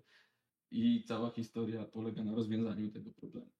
Także wiesz, jakby takie koncepcje już powoli ludzie też mają i nie zdziwi mi się, gdyby jacyś wariaci też faktycznie na przykład tak wkręceni w jakieś y, metaversa, takie właśnie MMO bardziej y, na przykład jak World of Warcraft, no nie? Gdyby był World of Warcraft ja i ludzie, którzy mają całe życie związane z tą grą, y, mogliby po prostu być wkręceni na tyle, żeby próbować jakichś takich wariat. No wiesz, jak ktoś ma, tendy- jak ktoś ma e, tendencje samobójcze, no to moim zdaniem powinien po prostu się udać do specjalisty i sobie z tym radzić. No. Nie wiem, nie wiem, czy miałeś okazję grać w gry te, takie jak na przykład Diablo, y, których po prostu masz permadeath. No wiesz, Czyli wiem o co chodzi. Ja nie prostu- prostu... ale wiem o co chodzi. Grasz sobie i na przykład dojdziesz do jakiegoś bardzo wysokiego poziomu, ale jeżeli coś cię zabije, to cię zabije permanentnie. postać, Nie? To jest zupełnie inny rodzaj imersji. I myślę, że ludzie też będą narażeni w przyszłości na tego rodzaju pokusy, żeby po prostu grać na przykład E, wiesz, odczuwać ból na przykład fizycznie, no nie, po, tam, po strzale czy czymś, tak, na przykład tu była taka koncepcja, żeby tam to urządzonko, które tam razi prądem, albo masz na przykład e, te, mm, no, haptyczne różne urządzonka takie, no nie, na sobie w kamizelce i czujesz, jak dostajesz po prostu strzały, no nie, jest I ciekawe, że coś takiego, no to czemu nie? No. tak, że możesz, wiesz, ten próg bólu przejść tak, że faktycznie komuś się stanie krzywda. no może tak być. Ale może to też służyć w dobrej wierze, jeśli może to służyć właśnie temu, żeby się hartować na Tak. ból i na przykład Już- policjanci, żołnierze mogą tego używać, nie? już sam stwierdziłeś, że można kogoś zabić, wystrasza, no po prostu strasząc go, tak, no nie? W ten sposób, bo to jest bardzo realistyczne tutaj. Tak. A w przyszłości ta technologia właśnie związana z haptyką będzie jeszcze bardziej y, inwazyjna, jak chodzi o nasze ciało. Y, A to takie właśnie unieruchamianie i, i, i, i, ta haptyczka z Matrixa i po prostu y, mm, sama świadomość w grze to już jest w ogóle kosmos. Chociaż też są cały czas prowadzone badania na tym. Y, Coś jeszcze dodać? Komisja, która... O, w ogóle możemy wytłumaczyć, co to jest haptyka. No tak. Ja się w ogóle zastanawiam, dlaczego w peryferalu to się nazywa haptics. Trochę tego nie rozumiem. Yy, Czy ta nazwa ma sens? Wydaje mi się, że trochę jest mylące. No właśnie, nie? No tak Chociaż wyglądało. jest haptyka, która umożliwia ci odczuwanie na przykład kształtu przedmiotów. Y. Czyli takie rękawice, które na przykład mają silniczki albo takie blokady na stawach, które umożliwiają zablokowanie ich w tym momencie, w którym dotykasz jakiegoś przedmiotu, tak, Tak. żebyś odczuwał kształt czegoś. To jest peryferalu? E, Znaczy, nie mówię o science fiction, tylko o faktycznych wynalazkach, Tak. e, które już są projektowane. Bo właśnie chodzi o tą nazwę Haptics Peripheral. Wydaje mi się, że nazwa Haptics Peripheral jest myląca i ty po- potwierdzasz. Mhm. Tak, tak. Haptyka to jest generalnie, no, to jest to, co już nawet, nawet pady mają, no nie? Wibracja w padzie jest haptyką. To, że tam tri- triggery stawiają opory jest haptyką, no nie? Tak. My tu też mamy haptykę na kontrolerach, mianowicie one wibrują, jeżeli się po prostu dotyka jakiegoś przedmiotu i przejeżdża po nim na przykład. U mnie akurat nie możliwe, że Znaczy tutaj nie, ale na przykład w menu tak jest Tak. e, w różnych systemach. To już zależy bardzo od projektu danego właśnie systemu, ale haptykę też można bardzo fajnie e, wykorzystać, żeby tą imersję. takie, są to takie y, kombinezony. Zapomniałem teraz nazwy, jak to się nazywa, ale są takie, zakładasz taką kamizelkę i po prostu ona właśnie wi- wibruje w bardzo wielu miejscach i to jest ciekawe. Zapomniałem, jak to się nazywa cholera. Ktoś pamięta? Powiedzcie na, na czacie, jak pamiętacie. Body coś, X-Suit? X, nie pamiętam cholera. No. A tutaj ktoś napisał tak, y, że wystarczy, że FDA opisze ciągle używanie VR-u innych elementów platformy zdanie zdrowia dla zdrowia i cały ten metaverse pójdzie w piach. Biorąc pod uwagę, jakie rzeczy są przez FDA dopuszczane na rynek, jeśli chodzi o jedzenie, to jestem bardzo spokojny, że takiego nigdy nie nastąpi. Poza tym lobby y, producentów sprzętu i w ogóle wszystkiego tego na pewno do tego nie dopuści. No, to tak. Jak sądzisz? Jaka szansa jest, że No. FDA, y, że FDA ogłosi, że VR jest niezdrowy i, i przestaniemy go używać? U, znaczy wiesz co, ale ja myślę, że prędzej na przykład takie osoby jak mózg popchną ten swój e, Neuralink i tego typu pomysły i będziemy właśnie dążyć raczej w kierunku e, wyeliminowania headsetów, tak No. pesymistycznie mówiąc bym powiedział. To ja Ale nie to wiem. będzie też ingerencja taka, że wyobrażasz sobie, żebyś zainstalował takiego Neuralinka, ale na przykład e, tak, właśnie tanio, ale na przykład z reklamami non-stop, tak? No, będą ci na, mnóstwo reklamy y, wy, wysyłać. To ja dziękuję. Więc ta przyszłość nadchodzi. No. Haptik znaczy dotykowy. Okej. Może tak być. Nie, nie, nie. y, Słuchaj, może, może powoli zbliżamy się zbliżamy do końca i zadałeś mi pytanie o rozwój, o przyszłość. Tak, jeszcze mam ostatnie pytanie i mogę e, je tutaj teraz przytoczyć, No. czyli właśnie o to, jakie mamy perspektywy na przyszłość, jak chodzi o ten VR. Tak, no to ja uważam, że VR z nami zostanie. Nie, nie sądzę, żeby miał zniknąć, chyba że się po prostu zmerdżuje z AR-em i MR-em, wiesz, jako taką jedną wielką Mhm. konglomeratę. Ale tak jak piszesz, te wszystkie zastosowania, jak na przykład właśnie y, szkolenia, rehabilitacja, kurczę, Symulatory to też jest osobna dziedzina. chcesz zobaczyć, jak wygląda domek y, na Sycylii, który będziesz, w którym masz wy, Mhm. y, wykupić bilet i będziesz po nim chodził sobie, no jakby coś, to jest A potem niemożliwe. się zastanawiasz, po co tam jechać, skoro możesz sobie po nim Nie, pochodzić z domu. Nie, no, nie, no, to się nie zgodzę, bo jeszcze jest plaża, no nie? I masz wodę, no, tak, tego to, to, Albo nie możesz, bo będzie COVID. Nie? no, no tak, no, ale wiesz, I Tyle wtedy zastosowań- faktyczne miejsce zbankrutuje i zostaje ci już tylko skan 3D, wiesz, po a wiesz, wiesz, że jest coś takiego jak rides, czyli wiesz, te takie przejażdżki w Disneylandach, nie? Tak jest, no, muzea tak samo. No i słuchaj, Przecież można obejrzeć sobie skany wszystkich tych e, no, zabytków. Disney zamyka niektóre te rajdy, nie? Po prostu je Mhm. rozmontowuje, bo tworzy nowe, nie? Wiesz, live service. Są ludzie, którzy odtwarzają te rajdy w VR-ze, możesz się przejeżdżać nimi po prostu, ich już nie ma w rzeczywistości. Jedyne miejsce, żeby zobaczyć, jak, jak one działały, to jest właśnie VR. No. Podobnie było na przykład z, tym, z Notre Dame, nie? Z pożarem. No. E, Skanowali e, całą katedrę po to, żeby wykorzystać ją jako model do Assassina, a potem jak był pożar, to wykorzystywali te skany do tego, żeby odbudować. Właśnie. Więc myślę, że VR pozostanie niszą, jeśli nadal będzie wymagał gogli, które totalnie cię odizolowują, no to będzie, no będzie niszą, no bo, bo mało, nie będzie, nigdy nie będzie tak, że cała populacja będzie chciała sobie gogle na głowę zakładać, no nie? Ale ja myślę też, że będzie się rozwijał, że będzie rozwijała się ta część ae- aerowa i czyli będziemy mieli okularki małe albo w ogóle jakieś chipy, wiesz, jest taka, jest taka firma, zapomniałem jak ona się nazywa, która pracuje w ogóle nad takimi szkłami kontaktowymi, które mają sobie chipy. I zakładasz sobie szkło, szkło kontaktowe do oka ono wyświetla ci rzeczy na ekranie. Na razie to jest w ogóle, wiesz, y, zielono-czarny, zielono-biały obraz, nie? Tam o rozdzielczości kilkunastu pikseli. No, ale to się ma szansę rozwijać, nie? No. Też wszystkie te prywatności też wchodzą w grę, wiadomo, i problemy. No ale wiesz, no ja myślę, że w ciągu 10-15 lat przejdziemy od wpatrywania się w telefon, wiesz, chodzenia y, zgarabionego z patrzeniem się na telefon po ulicach, będziemy chodzili wyprostowani, bo będziemy po prostu mieli polu widzenia na, na, na, naszych, na, na naszym wzroku, będziemy po prostu widzieli te wszystkie rzeczy, które były w telefonie, jakąś pro, prognoza, SMS-y, wszystko to będzie nam po prostu wisiało przed oczami, zamiast na telefonie i tyle, bo ludzie już są tak uzależnieni od ekranów, że sobie z tego nie zrezygnują, chyba że będzie jakaś totalna apokalipsa, tylko po prostu kwestia tego, że ten ekran się przeniesie nam przed oczy. Ja to tak widzę. Uważam, że to jest bardzo Mhm. Prognoza. Dlatego właśnie uważam, że te technologie jakby przed nimi nie ma ucieczki. Słuchaj, będziesz mógł mieć A sama przyszłość, jak chodzi o właśnie headsety i y, ten rozwój tej gałęzi, bym powiedział. no to To wiesz, myślisz, że to będzie dalej jeszcze y, kontynuowane? myślę, że to będzie kontynuowane dla entuzjastów. Wiesz, dla takich hardkorowych graczy, dla tych zastosowań, których ty też opowiadałeś, typu właśnie jakieś operacje, nie wiem, y, symulatory lotu, no nie? Wiesz. A Mhm. jeśli na przykład do, do AR-a, to wyobraź sobie, że masz AR-a i możesz sobie każdym miejscu, gdzie jesteś, wyświetlić przed sobą ogromny ekran, wiesz, 100 cali, jak na projektorze i oglądać telewizję, no nie? Mhm. Tylko wtedy nie wyobrażam sobie chodzenia już w takich goglach albo bycia podłączonym jakimś kablem. Albo na przykład tak jak Vive próbował po prostu taki plecaczkowy PC na plecach, żeby sobie... No wiem, no to się nie sprawdzi. To musi być, wiesz, albo to musi być zintegrowane w Google, tak jak Apple walczy. Apple, Apple, dlatego Apple VR jest tak bardzo opóźniony według plotek, bo oni latami walczą o to, żeby dało się to wszystko zintegrować w jednych goglach, żeby nie było dodatkowego urządzenia na kablu. Mhm. Sobie trzymać, wiesz, na pasku albo w kieszeni. Oni tego bardzo nie chcieli. Więc Albo dlatego, żeby sama waga też nie przeszkadzała, bo to generalnie obciąża kark.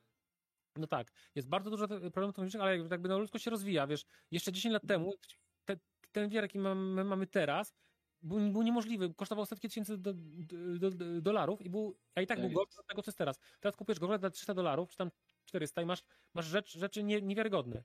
Więc wiesz, ja raczej jestem optymistą pod tym względem. Ale wiesz, to też może okazać, że to wszystko jebnie, nie? Jakby no nie ma, nie, nie, nie ma gwarancji, nie? nie już Mhm. bardzo ostrożny, jeśli chodzi o, o takie prognozy, bo wiesz, co się teraz dzieje na świecie. Kto przewidział y, wojnę w Ukrainie, kto przewidział, y, kto przewidział y, kryzys chipów, no, więc tak. No, no to też od tego bardzo zależy rozwój dalszej technologii. Vision. A, Tutaj, wiesz- y, no, Misiu jest bardzo dobrze zorientowany y, w temacie, albo orientowana i Mojo Vision to jest właśnie ta, ta firma, która robi te gogle. Mhm. Także tak. Adblock dla Neuralinka, wyzwanie dla potencjalnych inwestorów. Tak, dokładnie, będzie adblock, będzie Neurablock. No, także dzięki. Tak jest. Albo tak jak w Futuramie będą reklamy we śnie. No, o, to jest dopiero stary potencjał. No, także No, tutaj. I na przykład możesz dostać pigułkę, y, na przykład lekarstwo na tam, nie wiem, jakąś chorobę y, nieuleczalną w zamian za to, żeby ci się do końca życia reklama wyświetlać. Jezu, przestań. No ale za darmo. No ale za darmo. Ale za. O, przy... ktoś napisał, nie wiem, kto napisał, że e, PSVR będzie punktem zwrotnym. To nasz kamerzysta, czy ktoś inny to pisze? Yy, Nie wiem. Yy, W każdym razie może tak być. Jest, jest nadzieja, że będzie punkt zwrotny PSVR 2. Dlaczego? Dlatego, że będzie to coś znanej marki, co ludzie mogą chcieć kupować i Sony bardzo chce, żeby deweloperzy AAA robili gry na PSVR. I oni Mhm. i, I Sony też chce, żeby deweloperzy już tworząc grę AAA, taką zwykłą paską, tak jakby od samego początku brali pod uwagę, że ta gra mogłaby działać na VR-ze. I tak ją, i tak ją zaprojektują, żeby ona na VR-ze też była grywalna i była fajna. I akurat nie do końca z tobą zgadzam, że te porty wi- VR-owe gier, PC, gier zwykłych są gówniane, bo to zależy od implementacji. Jak robi to Bethesda, to są gówniane. Ale nie każda firma jest Bethesdą. Na przykład, nie wiem, czy wiesz, że Se- Se- Senua Hell, Hellblade, Senua Sacrifice zostało port VR-owy stworzony przez twórców tej gry. Bardzo dobry. Ninja, Ninja Team, tak to oni to robią? Nie pamiętam, kto robi Se- Se- Senua. No w każdym razie, twórcy Senua zrobili port VR Senua, jest świetny. I to jest gra No, tylko- w ogóle, że wiesz, Tylko, że to była taka e, gra, z tego co pamiętam, bardziej AA, nie AA. no dobra, Taka trosze, troszeczkę, znaczy wiesz o co mi chodzi, że y, masz y, taką sytuację, i to na przykład brakuje nam deweloperów dobrych, którzy się zajmują VR-em, bo dużo ludzi, znaczy dużo firm popłynęło na tym VR apokalipsie, kiedy to po tym, jak była właśnie taka bardzo y, duży, duży szum na to hype, y, dużo firm zainwestowało w to i zrobiło projekty, na przykład polski był ten e, symulator w kosmosie, tak. E, jak to się nazywało? Już nie pamiętam teraz też. A, no, no właśnie. I e, wiesz, poinwestowały firmy czas, środki w to, żeby to wypuścić i się okazało klapą. Tak. No i po prostu e, no więcej się nie tykają tego, bo to dla nich po prostu śmierdzi. No i Tak, ale- teraz masz. Zobacz, jak mody ta- minęły PC-owe, wiesz, ten rok to jest praktycznie renesans, to jest, wiesz, to jest rozkwit modów. Są mody do Cyberpunka, do Elden Ringa, do Final Fantasy y, VII Remake. Kurczę, Mhm. co tam, Red Dead Redemption. wiesz, jak zarobić na, mod- na modach się nie da tak zarabiać. Słuchaj, no, chodzi o to, że Wiesz, deweloper musi mieć, no, deweloper musi mieć co jeść. Wiesz, No tak. wiesz, musisz sprzedać tą pracę, a ta praca jeszcze trwa w czasie, no nie utrzymać e, tą firmę przez jakiś czas. modelów wchodzi na Patreona, wiesz, i oni tam zarabiają. Jest taki jeden O, model, nie? słynny Luke Ross, który robi mody do wszystkich gier, właśnie do Red Dead Redemption, GTA 5, y, Mafii 1, 2, 3, Cyberpunka, kupek je zmodował. W pewnym momencie zrobiło się tak głośno, że zaczęło o nim po prostu pisać mainstreamowe media. The Verge zrobiło z nim, z nim, z nim wywiad i wywiad, wywiad miał nagłówek taki, że ten moderator, ten, ten y, moder zarabia ponad 20 tysięcy dolarów miesięcznie, robiąc mody do gier VR. Po tym jak ten y, artykuł wyszedł, to Take-Two wysłało mu, wiesz, list, cease and desist y, na, na mody do, jego, do gier, które oni wydają, nie? I to, Mhm. była, to była jedyna firma, która tak zrobiła. Pozostałe firmy typu Projekt Red na przykład, i to nie przeszkadza. jak najbardziej właśnie dlatego mówię, że to nie było A, A, A, tylko troszeczkę niżej, bo właśnie dla tych takich mniejszych studiów, czy właśnie nawet dla pojedynczych twórców, to jest myślę tędy droga bardziej crowdfunding i e, tego rodzaju projekty, bo duże projekty ciężko jest no, spieniężyć potem tak naprawdę, bo ten rynek nie jest jeszcze na tyle duży, żeby to się zwracało. Prawda, ale ja myślę, że robiąc grę, robiąc grę AAA, mając takie, wiesz, środki, jak się ma na grę AAA, można ułamek tych środków, zatrudniając odpowiednich ludzi, przeznaczyć na to, żeby ta gra dobrze działała, wiesz, nie musisz jakoś genialnie. Nie musisz Mhm. Made for VR, wiesz, wszystko zrobione perfekcyjnie, ale żeby dało się w niej, z niej komfortowo korzystać w VR-ze. I to wystarczy jakby do tego, żeby większa liczba ludzi je kupiła, bo ja naprawdę, ja naprawdę mi wystarczy, jak ja mam, mi w VR-ze już samą robotę robi to, że ja mam skalę i głębię i imersję, no nie? I mogę się rozglądać, wiesz, y, no, y, głową naokoło i wszędzie widzę świat, no nie? I to już mi wystarczy. I mogę w FPS-a grać, i w RTS-a, i w. Jakby Każdy, prawie każdy gatunek gry może poza, wiesz, płaskim side-scrollerem nadaje się do tego, żeby był VR, bo każda gra jest 3D, no nie? Jak masz 3D w grze, na przykład jak masz grę y, RTS, to możesz mieć, możesz być bogiem, który widzi malutką dioramkę, no nie? Jakby widzi świat, który jest, wiesz, malutki, albo Tak. możesz zmienić skalę i nagle się okazuje, że ty, że świat jest ogromny. Tak, albo jed, jednocześnie jak właśnie jakiś demon opętać jakąś jednostkę i przejąć nad nią władzę i kontrolę i wskoczyć na pole bitwy Tak. i zrobić... W ogóle to jest genialny motyw Mm, skalą, wiem. czego Super, RTS-y są super w ogóle, jak chodzi o VR. Ale patrz, nie wiem, czy pamiętasz Google Earth VR. Jaka tam Tak. była opcja. Tam mogłeś. Yy, to, też- to już nawet aż ciężko opisać. Jak się można było niesamowicie zmienić skalę. Mogłeś yy, widzieć miasto i w trybie domyślnym ty byłeś takim olbrzymem, no nie? który po prostu widział nad sobą małe miasto. W sensie ty wiesz, że byłeś ogromny, a to miasto było, było małe. Ale mogłeś włączyć tak zwany tryb Supermana i nagle, wiesz, w ogóle nic nie zmieniało. W ogóle, wiesz, grafika zostawała taka sama, ale nagle tak się zmieniała skala i proporcje przed oczami tej stereoskopii, że ty już nie widziałeś y, ma, malutkiego miasta jako olbrzym, tylko widziałeś ogromne miasto pod tobą jako człowiek, wiesz, Superman, wiesz, nad tym, nie? No tutaj trolują bardzo, fajnie. Tak jest, tak mi się wydaje, że e, o, tak, że, że operator chce nas przekonać do tego, żebyśmy już kończyli, bo znowu się rozgadaliśmy na jakiś temat poboczny. Natomiast e, gdyby były jeszcze jakieś pytania, to chętnie odpowiemy, no ale będziemy powoli myślę się zabijać. No. Czy mamy tam jeszcze coś? A jeśli chodzi o śmierć wiara, to jak wiar umrze teraz, to znowu się odrodzi, wiesz, wiar już umierał i odradzał się, jestem, ja jestem spokojny. Jakby, jak wiar umrze, to ja też jakby, wiesz, to nie, nie skończy się mój świat, bo ja dalej gram w gry płaskie, wiesz, bardzo dużo gram, gram teraz God of War Ragnarok, genialna gra, jakby, wiesz, yy, nadal, Tak jest. No, ja podobnie. poza VR-em, że spokojnie, są seriale, filmy, książki, gry, VR y, nie jest ten, dobra, musimy kończyć chyba. Tak mi się wydaje, że już czas. A, złapałem go i trololo, chowam go, proszę bardzo. Tak jest. I już, pozamiatane. Mamy jeszcze To spray? spray. A, to ja nie... Ja- Jakbyśmy gadali głupo, gu- głupoty, to można popsikać. Aha, ja... No, dobra. O, Proszę. Natomiast e, e, no, myślę, że będziemy już kończyć. Tak, tak, dziękuję wszystkim. Ja, ja myślę, że to jest dobry moment, żeby się chwilę powygłupiać, tak po prostu. No, możemy się jeszcze powygłupiać chwilę. Bieżnie. Ja uważam, że nie mają w domu, bo są drogie, wymagają ogromnej ilo- ilości miejsca, jesteś przywiązany do jakichś pasków, jakby to, to, to nie ma przyszłości. Może tak być, że w jakiś tam, nie wiem, wstanę też sobie, może tak być, że w jakiś na przykład, nie wiem, y, VR gymach, VR, wiecie, VR siłowniach, no nie? Tam tak, ale w domu to, no chyba, że ktoś jest, wiecie, Bogole ma piwnicę albo lo, loch i sobie tam może trzymać taki, nawet Rysław, nawet Rysław odpadł od bieżni, nie? Dobra, Nax, ja cię przestałem słyszeć, nie wiem, czy to coś mówiłeś? A, tam zostawiłem drugi miecz. Mi się zaczyna, Możesz go podnieść. twój miecz? No, na krześle mi został niestety. Trzymaj ten. Okej. No, ja mam teraz miecz. To jest nie- niekanoniczne, dlatego że. No. Wielki wóz, wóz Wielki Niepokój. Wiesz co, gadaliśmy o jednym i o drugim. O poważnych zastosowaniach i o gierkach, wiesz, o rehabilitacji, o operacjach zdalnych. Także. W sumie nie wiem, gdzie jest kamera. A, kamera teraz leci za mną, ale jaja. Niezłe. Fajne. No, tu w ogóle właśnie widać ten cały świat, no nie? Yy, ten cały... i walcz. Bijemy się? Dobra. To jest... Angard!